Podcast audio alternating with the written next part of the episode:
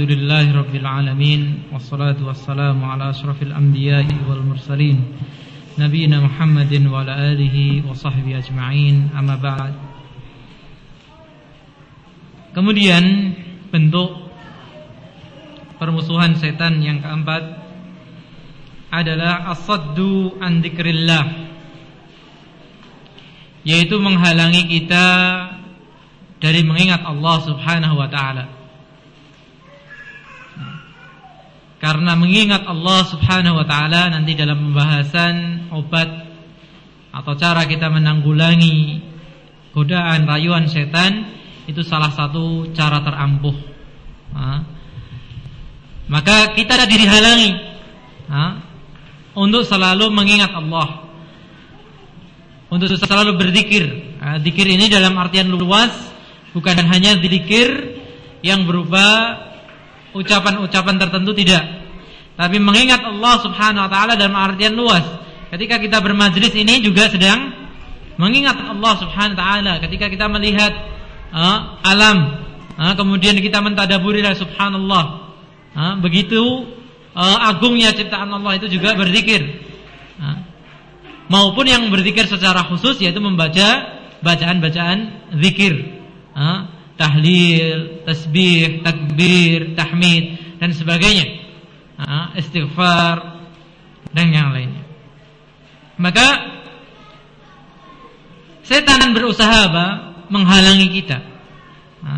dikatakan di sini min fawaidil dzikri di antara faedah-faedah orang yang berzikir anna dzakira yabqa ala silatin billahi.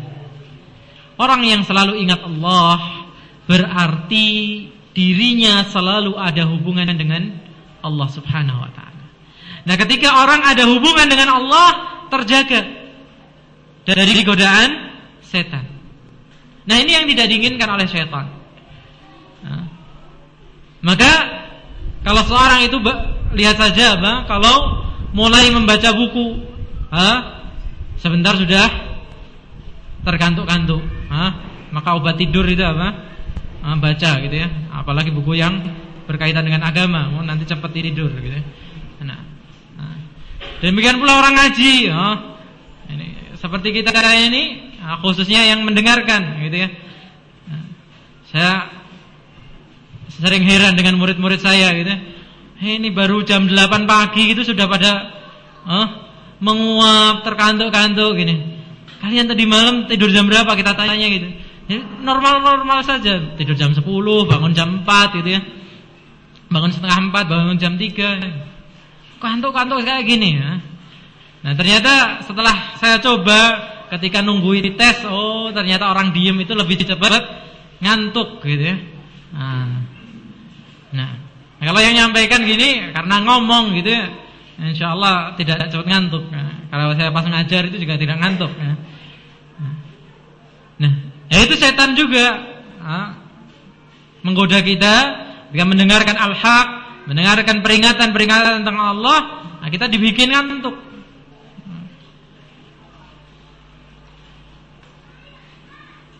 Wasyaitanu yuridu an yastahwadha 'ala al-insani wa yasuddahu an dzikrillah. Maka uh, setan itu pengen selalu menguasai diri kita, menyetir kita. Nanti dalam pembahasan madkhal itu yang pertama itu marah. Itu adalah cara setan untuk bisa menyetir diri kita. Maka setan itu ingin berusaha menjadikan kita itu apa? Seperti mobil yang dia setir ke sana kemari atau seperti bola yang dimainkan anak-anak, tendang sana, tendang sini, semaunya. Ketika orang itu lepas hubungannya dengan Allah Subhanahu wa taala. Maka dalam surat Al-Maidah ayat 91 Allah berfirman wa yasuddakum an dzikrillahi wa 'anis salati fahal antum muntahun. Dan setan itu akan menghalangi kalian dari mengingat Allah, dari salat yang benar. Karena salat yang benar itu Apa?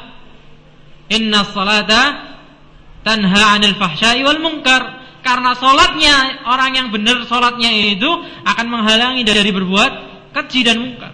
Maka dibikin sholat kita itu tidak benar. Baru Allahu Akbar ingat oh kuncinya tadi belum dilepas di motornya. Hah? Ya. Baru Allahu Akbar ingat tadi oh kuncinya yang hilang di sana. Hah? Ingat ini, ingat itu. Maka ini adalah cara atau sebagian cara bagaimana seorang e, bagaimana syaitan menguasai manusia.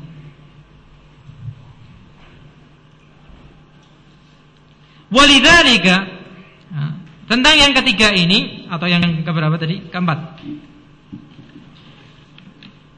Yang keempat yaitu cara setan menghalangi kita dari berzikir, mengingat Allah adalah apa? Tarahu yuzayyinu lahumul qabaiha kasyurbil muskirat wa syughluhum wa syughlihim anil dzikri bilahwil hadith min sima'il ghina'i wa syatmi wal ghibati wan namimati maka kita dapati orang yang tidak mengingat Allah itu kesibukannya apa? Dengan hal-hal yang tidak bermanfaat bahkan kadang dan seringnya apa? maksiat. Seperti lahul hadid. Ngobrol ngalor ngidul yang nggak ada ujung pangkalnya. Ngomentari misalnya apa? Wah, harga sekarang begini begitu. Wah, nanti gimana nih? Ujung pangkalnya apa? Gitu ya. Apakah antum ini pembuat kebijakan? Enggak. Atau apakah antum jualan cabai? Tidak, gitu ya. Ya sudah kalau mahal bisa beli ya dibeli. Ha, kalau tidak ya sudah. Ha, kalau nggak bisa pedes nanti ambil sandal, gitu ya. Nah. Ini kadang kita terjebak dalam apa? Obrolan yang menghabiskan waktu saja. Wah ini maghribnya masih setengah jam lagi. Wah, duduk di depan masjid, rombol, huh? atau duduk di gang dan sebagainya. Menghabiskan waktu. Nah, kalau setengah jam ini dimanfaatkan untuk zikir, baik zikir secara umum, baca buku, mendengarkan ceramah, kaset, ini sudah sering saya sebutkan berkali-kali. Nah, sekarang apa? Para ustadz lebih sabar dibanding ustadz dulu, gitu ya. Ustadz sekarang itu bisa dimasukkan kantong, gitu ya. Nah, masukkan MP3, nah, bisa diajak negosiasi ustadz, nah, sabar dulu ustadz, di pause, nah, gitu ya. Eh, antum sekarang kalau dulu ketika belajar nyantri begini dari tadi misalnya di pos dulu, saatnya di pos jauh dari, dari salah satu tiga mau di pos gitu ya. Nah. Tapi kalau sudah masuk kaset, masuk CD, masuk MP3, MP4 ya sudah terserah antum sudah. Nah, hari ini belajar 5 menit dulu ya Ustaz ya. Saya sibuk. Ya manut saja Ustaznya. Enggak protes gitu. Nah, kalau setengah jam subhanallah. Gitu ya. Sambil menunggu maghrib sambil menunggu Isya gitu ya. Nah, setelah sholat maghrib, nah, bagus tidak pulang. Nah, tapi apa ngobrol? Nah, ini tidak manfaat. Nah, coba baca Al-Quran. Nah, setengah jam paling nggak dapat, nah, setengah sampai satu juz kan gitu. Nah. Bahkan yang lebih buruk dari itu, naudzubillah dalik, apa? Setan itu menghias-hiasi keburukan itu dengan apa? Keakan itu indah. Nah, seperti meminum yang memabukkan makanya dinamai apa ha? ketan hitam ha? dinamai apa nama-nama yang indah gitu ya apa topi miring ha? topi lurus topi ini naudzubillah dzalik nah atau sima al ghina mendengarkan lagu-lagu yang tidak karuan nah Washtighali bisabbi wasyatmi wal ghibati wan namimah. Atau kemudian sibuk saling ejek, saling cela, ujungnya tawuran. ada yang mati. kalau mati sih seperti ini bagaimana? Karena membela kelompok, karena membela apa? klub bolanya, gengnya dan sebagainya. Atau ghibah wan namimah. Dan biasanya apa? Kalau sudah ngobrol nanti keasikan ngobrol mulai. Fulan itu gimana? Fulan gimana? Ghibah. Permusuhan satu dengan yang lain. Yang mana ini memang proses tadi untuk kita saling berpecah belah, untuk kita selalu diprovokasi.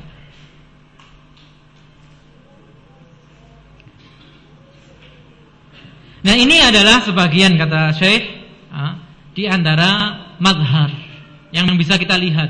Dan masih banyak lagi tentunya. Ini inti-intinya. Ada empat, yaitu apa tadi? Was-wasah. Itu keraguan. Kemudian rasa takut untuk berbuat taat, berbuat baik. Kemudian yang ketiga provokasi dan permusuhan. Kemudian yang keempat, ah, menghalangi kita dari mengingat Allah Subhanahu wa taala. Nah, untuk mensukseskan empat hal ini dan yang lainnya, ah, itu setan telah membuat celah-celah di dalam kehidupan kita ah, untuk masuk kepada inti permusuhan. Dari mana saja mereka masuk? Yang, yang pertama, al-ghadabu wa syahwatu. Marah dan hawa nafsu. Ketika orang marah dan ketika orang memperturutkan hawa nafsunya, maka ketika itu dia telah masuk dalam perangkap setan yang akan bisa dibawa ke mana saja tadi. Kepada ragu, kepada apa? Rasa takut, kepada permusuhan, kepada tidak ingat kepada Allah Subhanahu wa taala dan yang lainnya. Beliau mengatakan fal ghadabu huwa ghaulul aqli. Ketika orang marah itu akalnya sedang mati. Wa idza dha'afa jundul aqli hajama jundu syaitan. Ketika akal itu mati berarti para penjaganya, tentaranya di dalam otak itu apa? Lemah. Maka dikirimlah oleh setan tentaranya setan. Merusak otaknya, merusak akalnya. Maka apa yang terjadi? Fa idza ghadibal insanu la'iba bihi syaitanu kama yal'abu sabiyyu bil qurrati. Maka ketika orang marah, setan menjadikan manusia itu seakan-akan mainan. Seperti anak-anak kalau sedang main bola. Disuruh apa saja nggak bisa nolak, tendang sana, tendang sini. Ada bola lari dari yang menggiringnya. Gak mau saya digiring. Gak bisa. Gak bisa nolak. Nah itu ibarat permisalan kita dalam kondisi apa? Marah.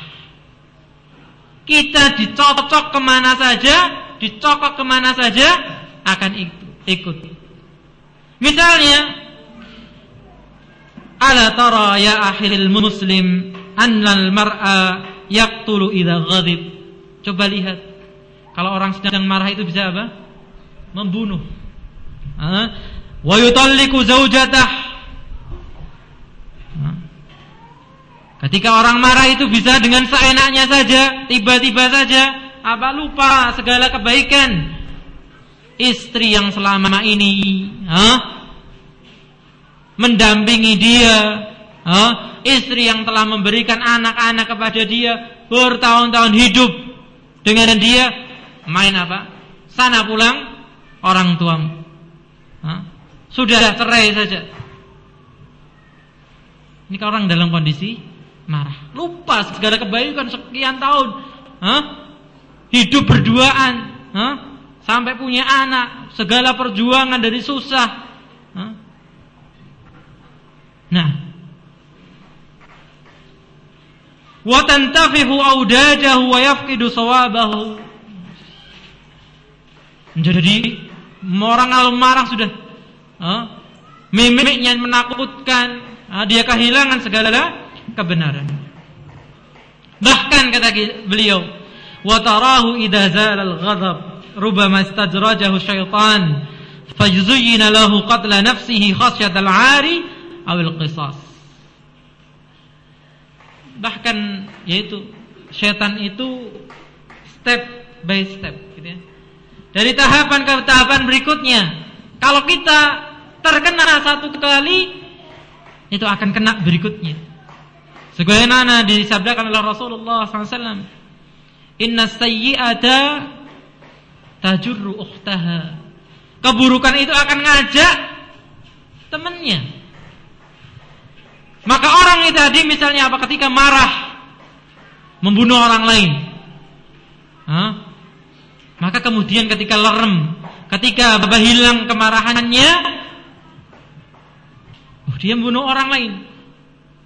Nah, maka kemudian setan, ah sudahlah, kamu bunuh diri saja. Menutupi apa? Menutupi aib atau menutupi konsekuensi yang harus dia tanggung. Hukuman, kisos. Orang bunuh ya harus dibunuh.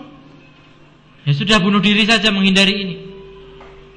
Nah, padahal dalam riwayat Muslim, nah, Allah itu mengancam orang yang bunuh diri akan bunuh diri kelak di neraka dengan alat yang dia gunakan, khalidan mukhalladan fiha. Selama-lamanya. Nah, ini saking kerasnya ancaman. Nah, tapi kalau selama dia muslim ya tidak kekal. Karena yang kekal di neraka hanya kafir. Kecuali kalau dia menghalalkan bunuh diri, ya maka berarti ya benar. Ini makna dari hadis-hadis yang apa? Ancamannya kekal di neraka, tapi padahal dia masih seorang muslim, perbuatannya tidak kufur seperti tadi orang bunuh diri. Nah, itu diancam kekal. Orang yang bersumpah palsu untuk menguasai harta orang lain. Pemimpin yang uh, mendolimi rakyatnya atau mencurangi rakyatnya, pemimpin yang mencurangi orang yang dipimpinnya, itu semuanya diancam oleh Allah apa?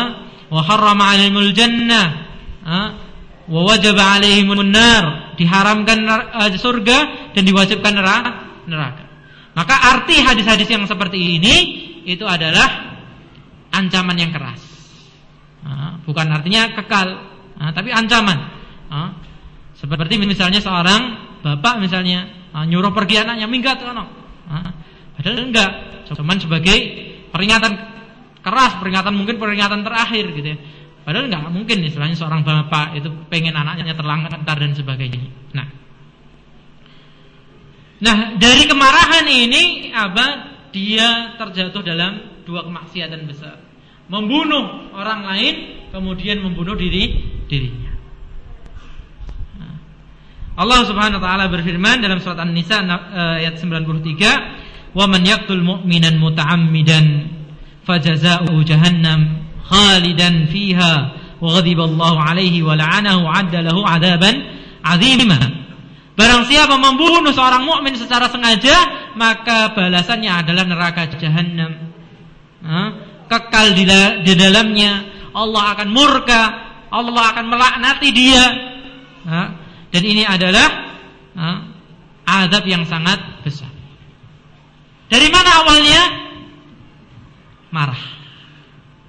Uh, maka suatu ketika Rasulullah SAW ketika melihat uh, ada dua orang yang saling caci maki, yang satu sampai merah wajahnya, maka Rasulullah SAW mengatakan, Inilah alamu kalimatan law qalaha la dhaba anhu dzalika Aku tahu sebuah kalimat kalau dia mau mengatakannya akan hilang rasa marah itu. Apa itu? A'udzu billahi minasyaitonir rajim. Jadi obatnya marah itu ternyata gampang. Ta'awud billah. Maka kita kalau dalam kondisi-kondisi seperti ini segera Jangan memperturutkan apa? Hawa nafsu. marahnya kemudian dilanjutkan. Nah, ini akan berakibat hal-hal yang kita sesali kemudian. baik berkaitan dengan keluarga kita, anak kita, hubungan kerja kita dan sebagainya. Dan Rasulullah SAW juga mengatakan, "Laisa syadidu bis sara'ah." Inna syadidu alladhi yamliku nafsahu indal ghadabi. Bukan yang bukan orang hebat. Bukannya orang hebat itu yang apa? Yang kalau setiap marah bisa apa? Langsung melampiaskan kemarahannya. Siapa siapakah orang hebat? Kata Rasulullah, orang hebat itu yang bisa menguasai dirinya dalam kondisi mah, marah. Kalau orang setiap kali marah bisa melampiaskan itu banyak, gitu ya. Tapi yang bisa menahan diri, dia mampu. Ha? Misalnya marah pada seseorang, ngaploki gitu ya, mesti kalah musuhnya bisa. Ha? Tapi dia menguasai. Oh. Nah, ini orang hebat, bro. Nah, bukan yang setiap apa musuhnya mesti dikalahkan. Nah. Kemudian yang kedua, yang merupakan celah masuknya setan ke dalam diri kita selain marah adalah al-ajalatu wa tarkul tathabbut terburu-buru dan meninggalkan apa tasabut tasabut itu dalam bahasa kita cross check atau check and recheck gitu ya konfirmasi. Jadi kalau mendengar suatu berita itu terburu-buru menanggapi. Ataupun kalau berbuat sesuatu dengan memutuskan sesuatu itu dengan terburu-buru. Itu juga celah setan untuk masuk kepada diri kita. Maka Rasulullah SAW suatu ketika mengatakan kepada Asaj Abdul Qais Inna fika khaslataini yuhibbuhum Allah al-hilmu wal anat Asaj bin Abdul Qais suatu ketika dipuji oleh Rasulullah SAW kamu itu punya dua sifat yang disenangi oleh Allah Subhanahu wa taala. Apa itu? Al-hilmu. Al-hilmu itu pemaaf, penyabar. Wal anad. Anad itu lawan dari hajalah. Tidak buru-buru. Jadi kalau memutuskan sesuatu ya dipikirkan dulu. Kalau perlu apa? Membikin daftar. Kalau ini apa kelebihannya, apa kekurangannya kalau ini apa kelebihannya, apa kekurangannya dibandingkan, ditimbang. Nah, nah. dan itu biasanya nah, di dalam perusahaan, di dalam e, instansi itu yang bisa jadi pemimpin ya orang-orang yang seperti itu.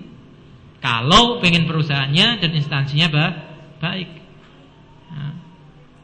Tapi kalau pemimpin-pemimpinnya adalah orang yang terburu-buru mesti ya sebentar aja nggak lama mesti hancur. Nah, karena keputusan yang terburu-buru itu mesti berakibat yang seringnya adalah berakibat yang tidak baik. Nah. Maka Rasulullah SAW juga bersabda, Al-anatu minallah wal ajalatu minasyaitan. Sikap hati-hati, tenang, pelan, dalam menentukan menanggapi sesuatu, memutuskan sesuatu itu adalah dari Allah. Wal ajalatu minasyaitan. Keterburu-buruan itu dari setan.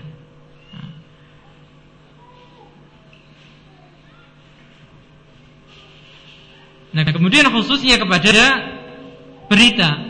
Nah, ini hubungannya dengan tadi. Setan itu pengen apa? Memprovokasi kita. Nah, maka kalau ada berita tentang saudara kita sesama muslim, oh fulan mengatakan begini.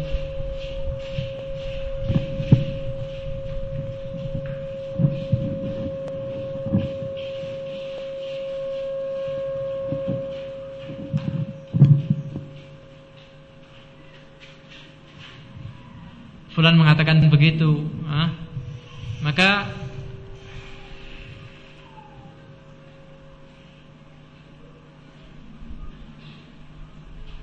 maka harus ditabayun dulu, harus dikonfirmasikan dulu. Ah, atau bahkan kalau perlu ya nggak perlu difikirkan gitu ya.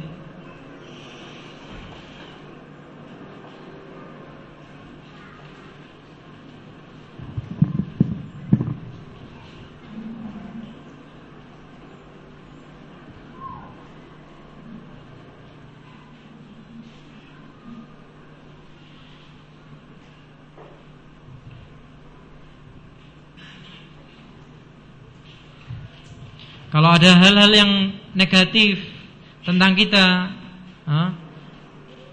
kalau itu berkaitan dengan pribadi kita ya sudah, ha? kita maafkan. Ha?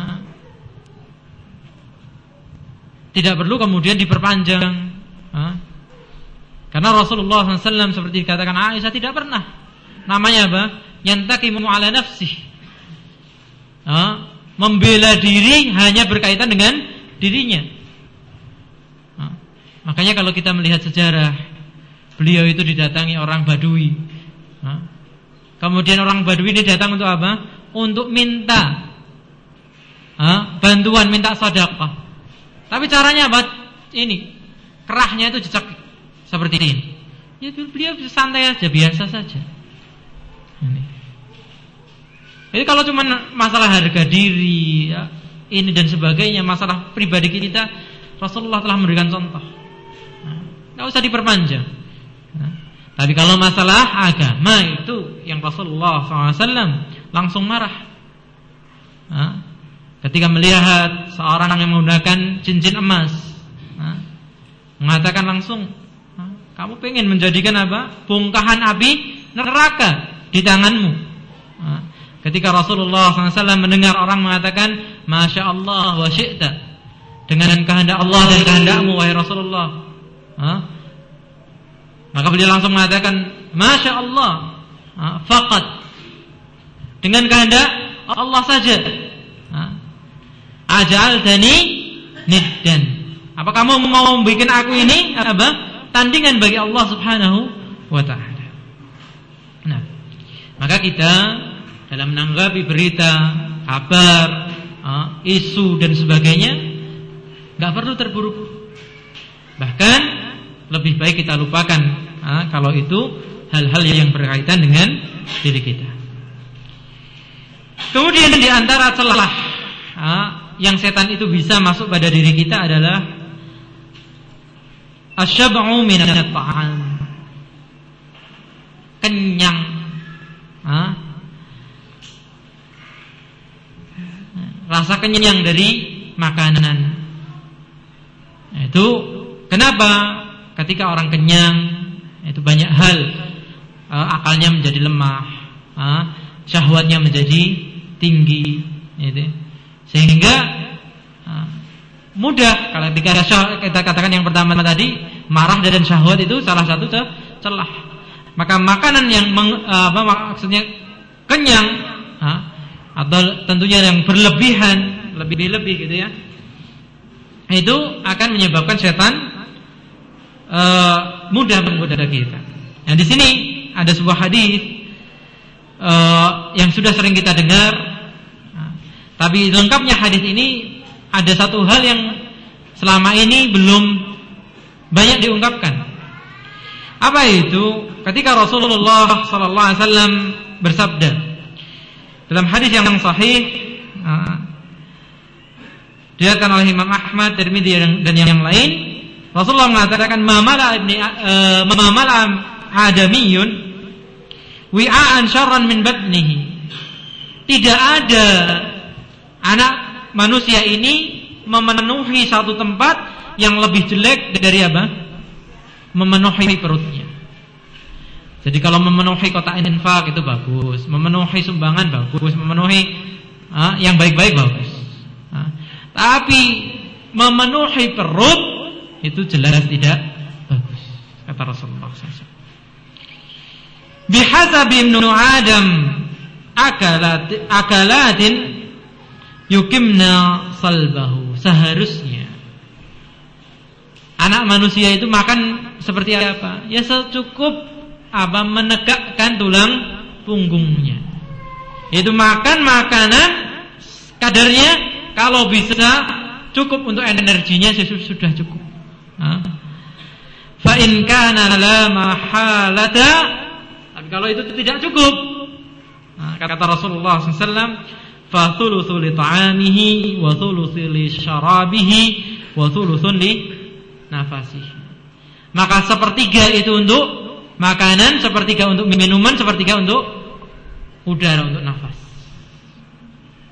Nah selama ini yang kita pahami inilah yang ideal yaitu apa membagi lambung itu menjadi tiga. Ini yang ideal. Ternyata sebelumnya hadis tadi ada apa? Ada yang lebih ideal. Yaitu secukupnya energi yang kita butuhkan untuk menegakkan punggung saja. Maka Rasulullah mengatakan fa in kana la mahalata. Tapi kalau itu enggak memungkinkan, ha? Jadi kalau berarti inilah yang lebih utama, ya sudah kalau misalnya itu tidak cukup, gitu ya. Itu baru yang sepertiga tadi. Subhanallah. Gitu ya. Dan ini tentunya obat nah, dari segala macam obat. Nah, itu kita nah, mungkin sebagian ikhwah yang bergelut dalam pengobatan tahu nah, salah satu sumber penyakit adalah perut, gitu ya. Nah. Dan di sini ada perkataan seorang ulama dikatakan fi kathratil akli sittu khisalin madmumatin. Ketika orang berlebihan makan itu ada enam ah, sifat jelek. Apa yang pertama? Annahu yudhibu khawfallah min qalbi. Ah, kalau kita makan selalu kekenyangan itu akan menghilangkan rasa takut ah, kepada Allah Subhanahu wa taala. Merasa nyaman terus gitu ya. Athani annahu yudhibu rahmatal khalqi min qalbihi. Menghilangkan kasih sayang kepada sesama makhluk dari hatinya. Kenapa? Jadi kira semua orang apa? Kenyang seperti dirinya. Jadi tidak butuh bantuan. Atsalits yuskilu 'anit ta'ah. Orang kenyang itu apa? Bikin berat untuk berbuat kebaikan. Mau sholat ya kekenyangan itu kan Enggak ada enak. Maka dipercepat sholatnya. Ar-rabi idza sami'a kalam al-hikmah la yajid Kalau mendengarkan nasihat tidak mendapati kelembutan dalam hatinya. Karena kenyang terus. Orang kenyang tadi syahwatnya apa? tinggi. Al-khamis annahu idza takallama bil mau'izah wal hikmah la yaqa'u fi qulubin nas. Kalau dia menasihati orang, mau kamu aja kayak gitu, bicara masalah apa? Ayo kita zuhud, ketika harus ini, kamu badannya segitu gedenya. Ya, bukan berarti yang apa yang dikaruniai oleh Allah, ha? karena itu ada apa? E, faktor e, katanya gen dan sebagainya. Kalau kita sudah menjaga diri, tapi ternyata memang keturunannya, bakatnya badannya besar gitu, ya sudah. Nah, Asadis an yahija fihil amrad. Ya. Kemudian yang terakhir ya tadi akan dipenuhi oleh penyakit. Nah, orang yang selalu penuh perutnya. Nah. Kemudian yang keempat di antara celah setan bisa masuk kepada diri kita adalah at-takasul fit ta'at wartikabul muharramat. Males dalam melaksanakan ketaatan. Bahkan malah apa? Cenderung banyak melakukan yang haram. Kita tahu bahwasannya iman itu apa? Kadang naik, kadang turun. Yazidu wa kus. Kapan naik? Yazidu bitta'ah. Akan bertambah dengan ketaatan. Wayan kusu bil maksiyah dan akan kurang dengan kemaksiatan. Maka artinya orang yang malas untuk taat berarti malas untuk naik imannya. Dan ketika dia malah berbuat kemaksiatan, imannya malah akan turun. Maka iman yang merupakan benteng tadi dari godaan setan semakin turun maka semakin mudah setan masuk ke dalam dirinya. Maka cara atau pintu yang dibikin oleh setan adalah kita dibikin males untuk berbuat taat. Sholat wajib dibikin males. Wajibnya sergap, sunnahnya yang dibikin males. Dan seterusnya.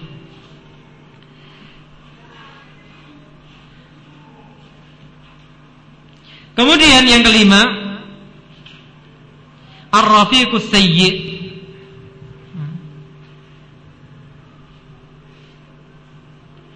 yaitu teman yang buruk. Teman yang buruk ini juga merupakan apa? Pintu masuknya setan. Rasulullah sallallahu alaihi wasallam telah mempermisalkan nah, teman yang baik itu seperti apa? Kaba'il misk seperti penjual minyak wangi. Nah, apa kata Rasulullah kalau kamu punya teman penjual minyak wangi minimal apa? Baunya itu enak kan gitu. Betah kita tuh duduk sama dia wangi kan gitu. Nah, ya paling tidak apa sama teman ya nanti ada diskon. Nah, tapi kalau diskon terus padahal yang beli teman semua gitu ya. Nah, enggak cepet-cepet kaya nanti temannya. Nah, nah Makanya kalau harga ikhwan itu lebih mahal dari yang lain harusnya, bukan lebih murah gitu ya. Nah, ini mendukung temannya lebih cepat kaya gitu ya. Allah harga temen aja. Iya, ini harga temen. Lu kok lebih mahal? Iya, kan kamu seneng kalau temenmu kaya gitu. Nah, ini kalau yang dagang gitu caranya. Nah, kalau yang beli temennya ini harga temen ini. Nah, harga temen maksudnya apa? Lebih mahal gitu ya, bukan lebih murah. Nah. Baik. Sedangkan uh, apa? Rafiqus sayyi, itu seperti apa? Karena fihil kir. Apa itu seperti pandai besi. Nah, pandai besi itu apa? Ya dekat-dekat bau paling tidak. Nah, karena kan mesti ya keringetan kayak gitu, dekat dengan api, bisa apa? Terpercik apinya. Nah, itu ibarat teman baik dan teman buruk. Kita jalan dengan orang baik, subhan orang lain melihat oh berarti orang baik, kan gitu. Kita jalan dengan buruk orang buruk. Oh kemarin apa ayam tetangga hilang oh, mungkin ya itu dia sama dia itu. Nah, padahal kita sama sekali nggak tahu mana menau, nah, gitu ya. Tapi biasanya yang suka ambil ayam ternyata itu misalnya. Ya sudah kita cuma jalan sama dia, kita cuma duduk-duduk sama dia sudah kena getahnya. Nah, gitu. Maka uh, orang uh, itu menghindari teman-teman yang buruk. Nah di, ini lima, tadi empat uh, apa mazahir kita sebutkan lima saja. Nah, kemudian yang terakhir dari pembahasan kita hari ini adalah obat uh, dari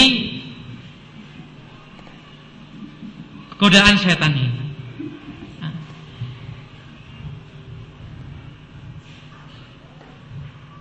Dalam di sini disebutkan tiga surat mengawali pembahasan ini. Yang pertama dalam surat Al-A'raf 199 sampai 200. Kemudian yang kedua surat Al-Mu'minun ayat 96 sampai 98 Kemudian surat Al-Fusilat ayat 24 sampai 34 eh, sampai 36. Allah berfirman dalam surat Al-A'raf, "Khudil afwa wa'mur bil 'urfi wa'rid 'anil jahilin." Berilah maaf. Dan ajarlah kebaikan. Dan berpalinglah dari orang-orang yang bodoh. Wa imma yanzaghannaka wa imma yanzaghannaka minasyaitani nazghan fasta'id billah innahu sami'un alim. Dan ketika setan mengganggu kamu, maka segeralah kamu berlindung kepada Allah, sesungguhnya Dia itu Maha mendengar lagi, Maha mengetahui. Ini ayat pertama.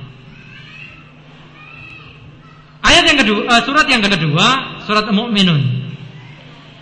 Allah Subhanahu wa taala berfirman, "Idfa billati hiya ahsan."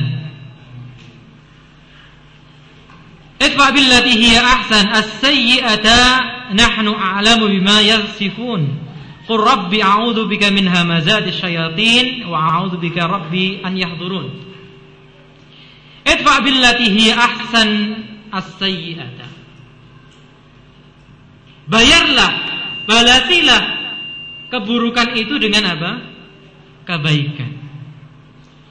Nah, anu kami kata Allah itu lebih tahu dari apa yang mereka sifati. Kalian orang baik walaupun dikatakan oleh mereka orang gila, orang sih penyihir dan sebagainya. Nabi Muhammad kan dijuluki seperti itu. Tapi Allah lebih tahu. Ya, sudah maafkan saja. Hah? Berbuat baik sama mereka. Tapi kalau apa dan katakan aku berlindung kepada Allah dari apa? Hamazatis syayatin. Godaan-godaan setan. A'udzu bi a'udzu bika rabbi an yahdurun. Dan aku berlindung kepadamu wahai Rabbku dari mereka itu mencelakai. Surat yang ketiga wala tastawil wala tastawil hasanatu wala sayyi'ah. Tidak sama antara kebaikan dan keburukan. Idfa billati hiya ahsan. Maka balasilah dengan yang lebih baik. Fa idzal ladzi bainaka wa bainahu adawatun ka'annahu waliyyun hamim. Kalau ada orang yang antara dirimu dengan dirinya permusuhan maka apa? Jadikanlah dia itu seperti saudara muda kata mendekat musuhan malah apa? Disuruh kita membaiki dia Wa ma yulaqaha illa alladziina sabaru wa ma yulaqaha illa 'adzim. Yang seperti ini tidaklah bisa kecuali orang-orang yang bersabar. Yang seperti ini tidak bisa kecuali orang-orang yang punya balasan besar. Wa imma yanzaghannaka minasyaitani nazghun fasta'id billah innahu was-sami'ul 'alim. Sama kalau terdapat godaan syaitan langsung berlindung kepada Allah. Apa yang bisa kita simpulkan dari tiga ayat ini atau tiga surat ini? apa yang disabdakan oleh Rasulullah SAW kepada Abu Dhar. Rasulullah SAW mengatakan kepada Abu Dhar, Ya Abu Dhar, ta'awad billah min syayatinil insi wal jin. Wahai Abu Dhar, berlindunglah kamu kepada Allah dari setan apa? Manusia dan setan jin. Maka setan itu ada dua macam. Hmm?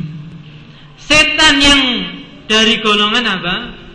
Jin yang dipimpin oleh iblis yang Allah kekalkan sampai nanti dibangkitkan ya hari kiamat.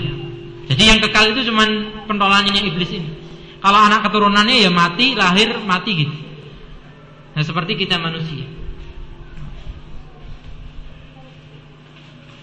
Nah di sini dari ayat tadi setan itu terbagi dua. Sebagaimana Rasulullah juga membagi setan dua. Ada setan jenis manusia dan jenis jin. Nah kalau yang jenis manusia, kata penulis di sini,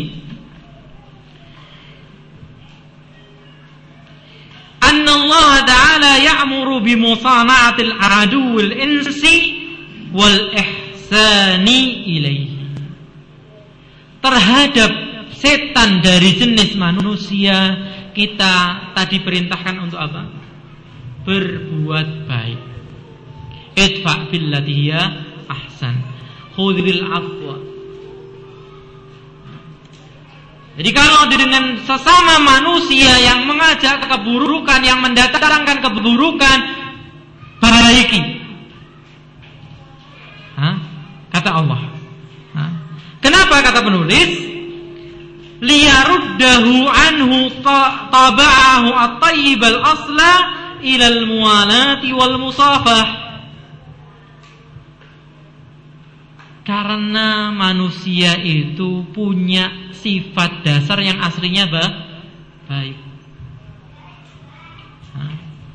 Kita tahu semua insya Allah hadis yang mengatakan apa?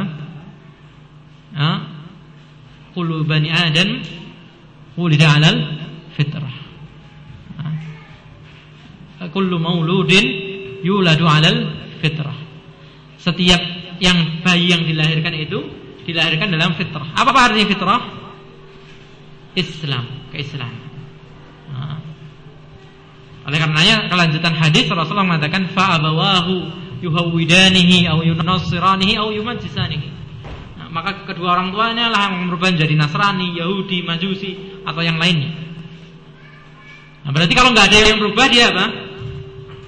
Islam dan tidak dikatakan apa abawahu yuslimanihi enggak. Dua orang tuanya lah yang membuat dia Islam enggak dia enggak. Berarti aslinya orang itu punya bakat menjadi seorang maka kalau terhadap musuh, terhadap setan yang jenis manusia baiki. Semoga, nah, kata penulis, perintah Allah kenapa kalau kita membaiki orang-orang? Semoga sifat aslinya muncul. Ketika dibaiki, dimaafi, menyakiti, dimaafi. Hah? Memperlakukan buruk kita, kita malah membuat diri apa? Eh, ada memusuhan, malah kita jadikan apa? Saudara dekat. Tadi kan perintahnya seperti itu. Nah, semoga yang seperti ini mengembalikan sifat aslinya yang baik. Nah, nah tapi terhadap setan apa? Jin. Nah, golongan yang kedua. Wa ya'muru bil isti'adati bihi minal aduwi syayatin la mahalata. Kalau dari jenis setan jin itu nggak ada namanya baik-baikan. Nah. Sudah langsung a'udzubillahi minasyaitonir rajim. Nah. Maka ketika dalam ceritanya siapa? Abu Hurairah. Nah, yang Abu Hurairah dikasih apa? Doa ayat kursi. Nah, sebelum tidur. Nah, ketika dia menjaga zakat fitrah. Nah, dicuri. Besok datang lagi. Akhirnya dia sudah lepas nanti aku ajari doa yang melindungimu. Kemudian ketika cerita ini kepada Rasulullah apa kata Rasulullah? Sodaqaka wa huwa kadzub ya memang pas masalah ini dia jujur sama kamu. Tapi aslinya dia bohong sifat aslinya adalah pembohong maka ya sudah Gak ada kompromi dengan setan yang dari bangsa jin. Maka sebagian ulama melarang kita itu apa? Kalau merukyah itu mengajak dialog dengan jinnya. Dia buat apa? Dia itu kita nggak tahu dia jujur apa enggak.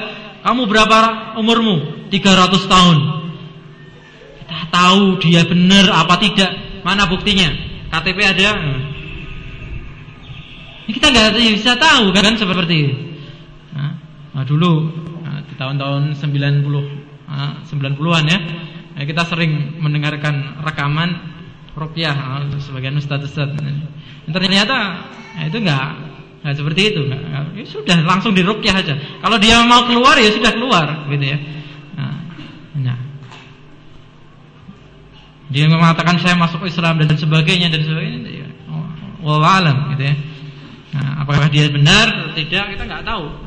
Nah, maka di sini nggak ada pilihan terhadap setan yang jin itu adalah langsung ta'awud billah. Idlal yakbalu musana'ata wala ihsana. Karena jenis ini, jenis yang kedua itu nggak bisa diajak bahasa basi dan gak bisa dibaiki. Kalau manusia ketika kita bahasa basi kita baik sama dia, mungkin dia punya perbedaan, dia nggak senang dengan kita. Tapi apa? Ya sudahlah karena orangnya yo ramah, ya sudah dia juga nggak mempermasalahkan kita. Kan seperti itu. Karena memang manusia itu punya sifat dasar baik tadi.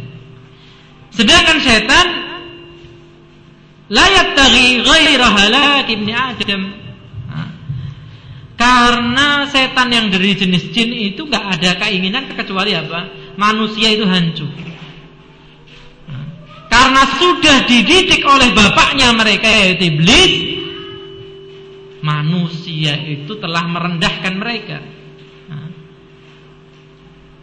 Yaitu ketika terjadi tadi permusuhan yang pertama disuruh sujud kepada Adam.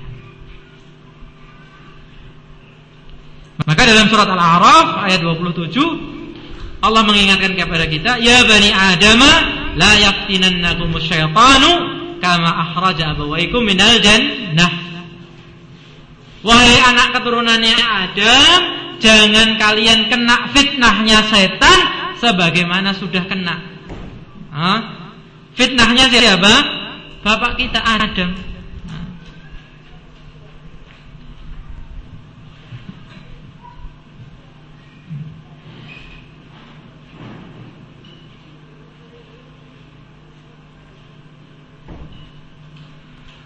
Padahal kalau kita lihat dalam sejarahnya Nabi Adam, apa yang dikatakan oleh setan, dikatakan iblis kepada ha? kepada Adam bahwa sini apa? Inni lakum nasihun amin. Ini lakuma nasihun amin. Aku ini bagi kalian berdua adalah penasehat yang terpercaya. Mengatakan aku itu membawa nasihat ketika mau menyuruh apa? Adam itu makan buah yang dilarang oleh Allah, bukan buah khuldi ya. Enggak ada khuldi. Itu nama mungkin nama buah khuldi itu dikatakan karena setan memberikan apa? Alasan kamu itu dilarang karena akan menjadi orang yang kekal. Nah, kekal itu dan dari kata khalada. Nah. Nah, wong ketika dia datang apa? Menyatakan diri saja sebagai penasehat itu hasilnya sesat. Nah bagaimana dia itu sudah mengumumkan kepada kita? Tadi apa? Fabima la'aqudanna eh, la'aqudanna siratakal mustaqim.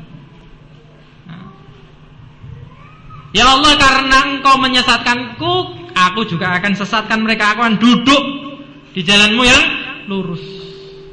Lebih-lebih. Dengan Nabi Adam yang sudah mengatakan Tak nasihati ya gitu ya. Nah kita sudah dikatakan apa? Tak sesat ke yo. Itu kok masih menganggap musuh ini bah baik. Maka tidak ada cara lain kecuali apa? Yang pertama.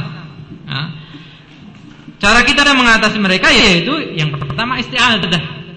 Nah, berlindung kepada Allah Subhanahu wa taala. Yang kedua adalah kiraatul muawwidhataini membaca dua surat yang melindungi kita yaitu apa? Al-Falaq dan An-Nas. Kemudian yang ketiga qiraatu ayat kursi. Ini sebenarnya ada dalil-dalilnya semuanya nah, cuman karena waktunya sudah sangat singkat nah, kita bacakan inti-intinya saja. Kemudian juga membaca surat Al-Baqarah. Nah, turut ulama khususnya untuk menjaga rumah. Nah, jadi kalau dalam masyarakat itu biasanya apa? Nah, kalau baru bangun rumah itu katanya apa? Dipageri ya, Mai. Nah, kita juga punya pagar. Nah, apa surat Al-Ba Al-Baqarah nggak usah kasih selempit-selempitan. Nah, ini saya kemarin baru apa? membersihkan ada rumah uh, yang di apa dipinjamkan kepada kita rumah kayu joglo gitu ya itu isinya di pojok-pojokan itu ya sudah ah, raja gitu ya nah, ini ternyata gampang seorang muslim ah. Itu dengan membaca surat Al-Baqarah gitu ya. Kalau ketika kita uh, punya rumah baru uh, terutama rumah yang lama diting kosong gitu ya, dibacakan Al-Baqarah gitu ya. Nah.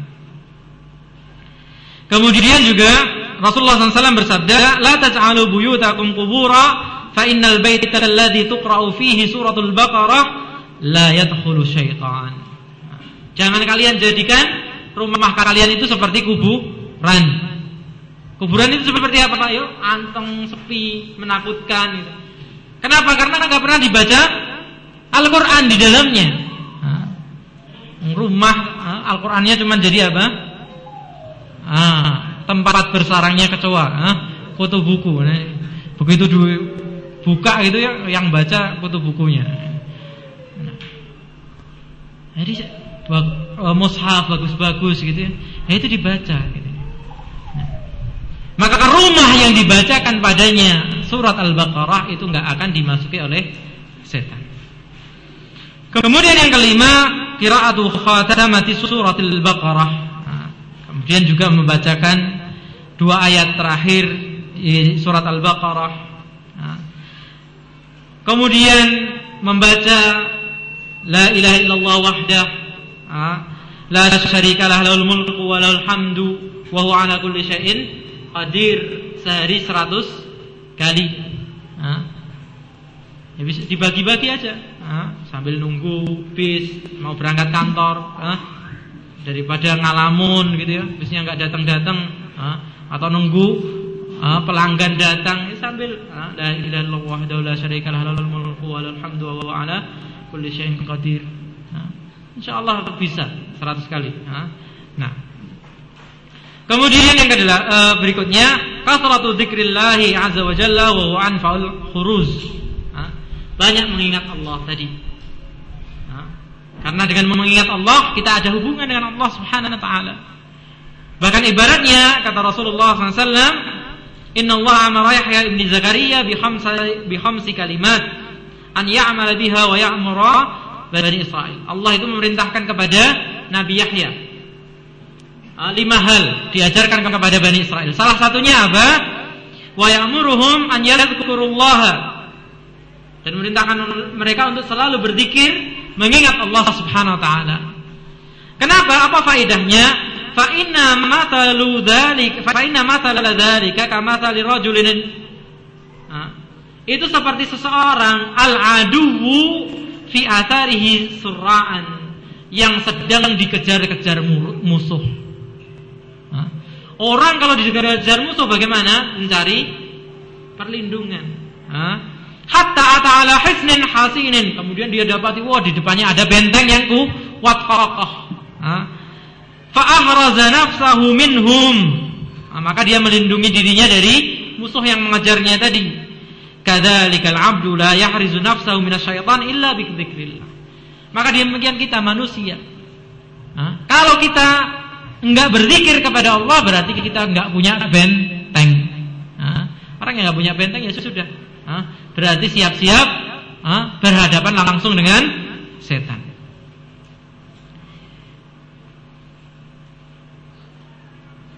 Kemudian yang berikutnya adalah al-wudu was salat. Wudu dan salat. Maka ini hal yang juga apa? Kita diganggu.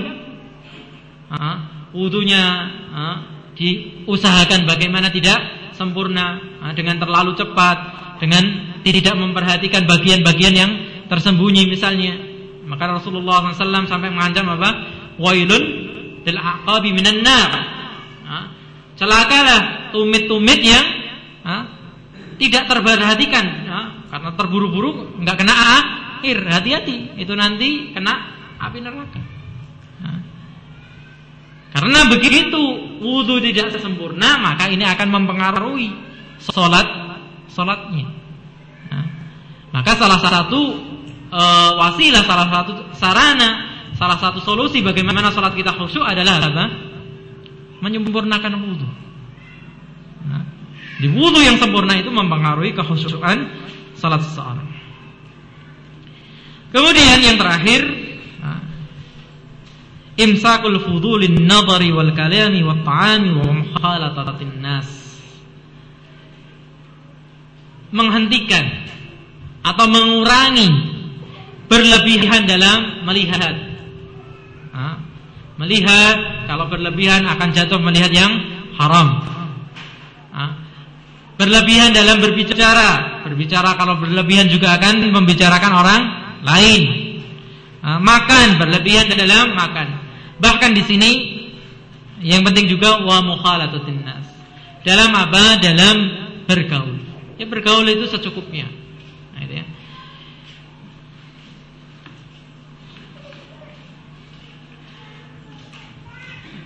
Karena manusia itu ada empat macam.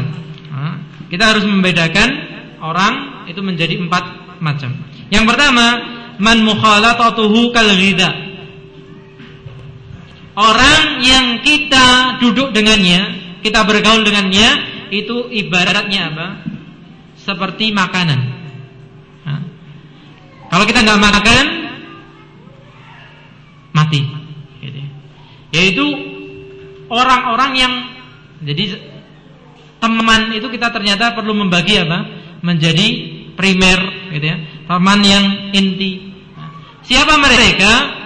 Al ulama orang-orang yang punya ilmu, orang-orang yang berilmu, para ahli ilmu.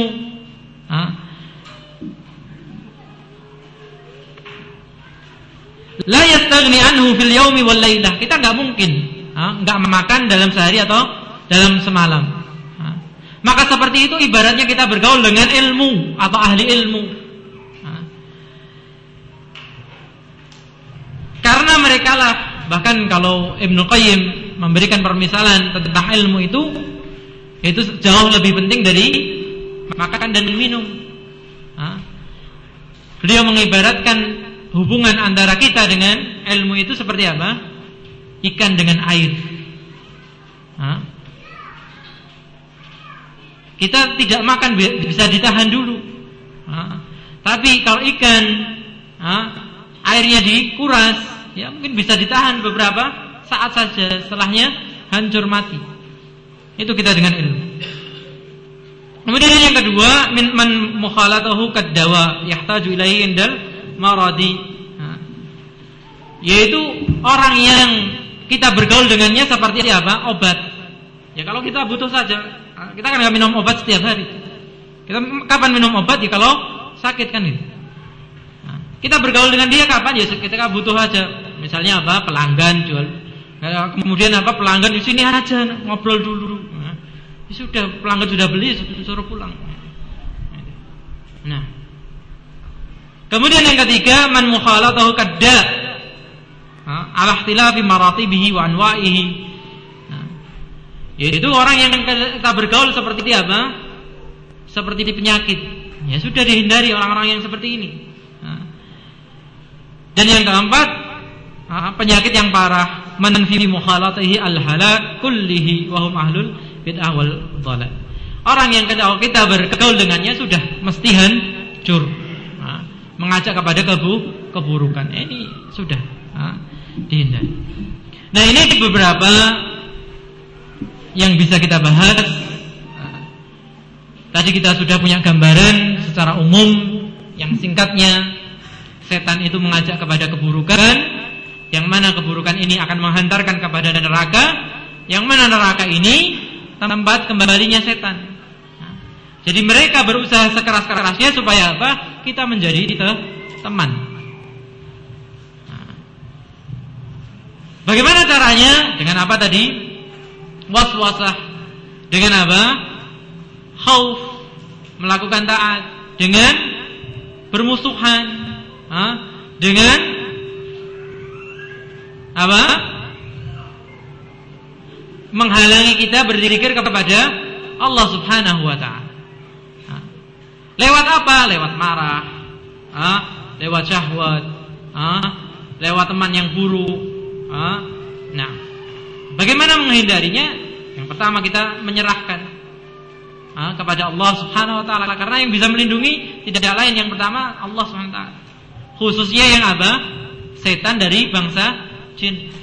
Nah, Wallahu taala alam.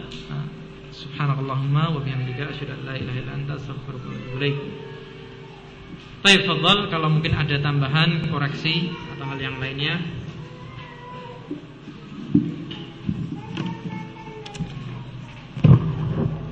Jazakallahu khairan atas materi yang disampaikan. Bagi yang bertanya dipersilahkan untuk mengajukan pertanyaan lewat kertas yang tertulis kemudian dibawa ke depan.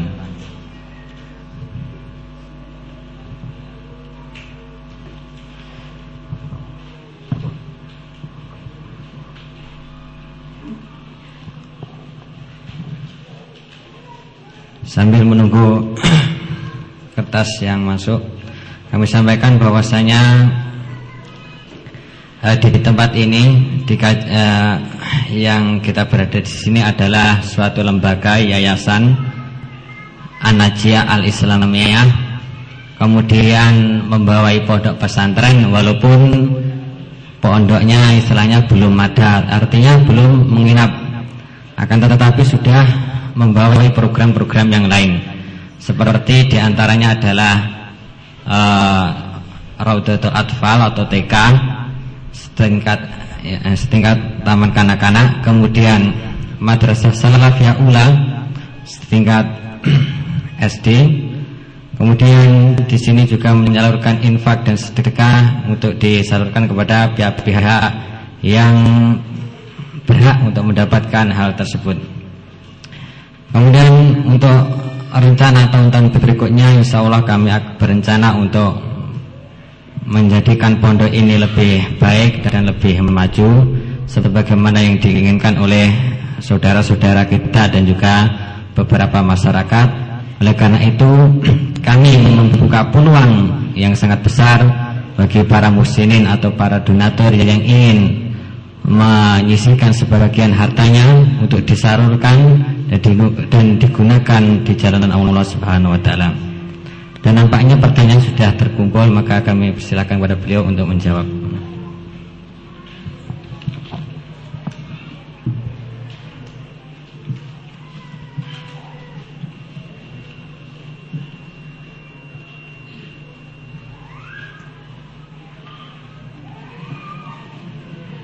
Bismillah, Alhamdulillah. Pertanyaan yang pertama. Mohon penjelasan tentang Salat isyraq Salat isyraq Atau sebagian dinamakan Salat syuruk Itu uh, Adalah Salat Yang Dilakukan Setelah Terbitnya matahari Dan Meninggi sekitar uh, satu ujung tombak atau tombak atau sekitar antara 15 sampai 20 menit dari terbitnya matahari. Ini dasarnya adalah sabda Rasulullah SAW yang artinya tidaklah seseorang setelah sholat subuh itu duduk uh, di tempatnya uh, kemudian mengingatku, kemudian berzikir, kemudian sampai terbitnya matahari kemudian dia sholat dua rakaat kecuali mendapatkan uh, pahala umrah uh, secara sempurna. Dalam riwayat yang lain umrah bersamaku secara sempurna. Nah, ini dasarnya uh, ada disunahkan sholat itu. Tapi wallahu alam uh, kalau saya melihat pembahasan-pembahasan fikih uh, itu tidak pernah uh, saya dapati sebatas ilmu yang saya punya itu pembahasan ini dalam kitab-kitab terdahulu. Nah, penamaan ini saya uh, baru mendengar akhir-akhir ini. Jadi wallahu alam apakah yang dimaksudkan uh, itu ada sholat khusus uh, bersamaan dengan uh, apa setelah terbitnya itu atau yang dipahami oleh para ulama adalah sholat duha. Nah, jadi Tentunya ini bisa umum karena waktu itu masuk sudah waktunya duha. Jadi kalau dia salat duha eh, semoga juga eh, masuk ke dalam keutamaan hadis ini karena salat atau ibadah-ibadah sunnah itu bisa digabungkan satu niat dengan niat yang lain. Allah a'lam.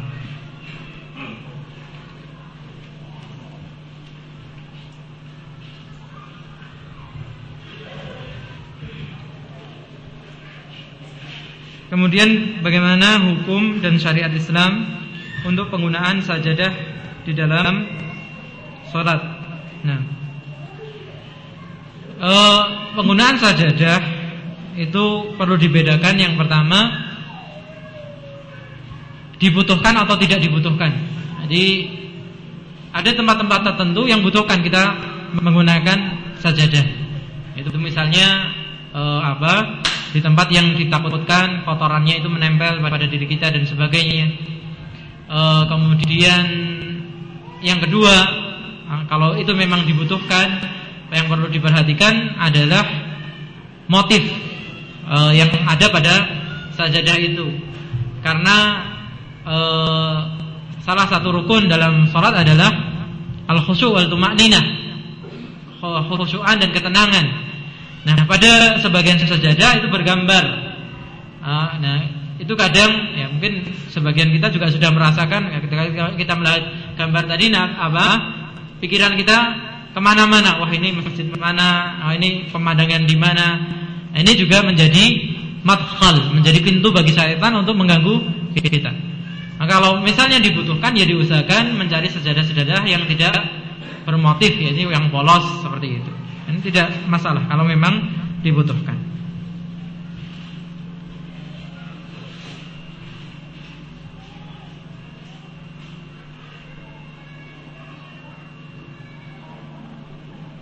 Baik. Uh, salah satu bentuk godaan setan adalah rasa takut. Terus bentuk-bentuk setan yang menyeramkan itu apakah betul asli setan? Apakah uh, upaya menakuti manusia dan gimana kita untuk tidak takut dalam hal ini? Nah. Allah alam uh, di sebagian kitab disebutkan bahwasanya jin uh, itu memang uh, ber apa namanya berparas buruk itu ya. Nah, disebutkan sebagian e, bertanduk dan sebagainya. E, oleh karenanya kita dilarang sholat e, di waktu matahari terbit dan terbenam. Karena Rasulullah mengatakan terbit dan terbenamnya matahari di antara dua tanduk setan gitu ya.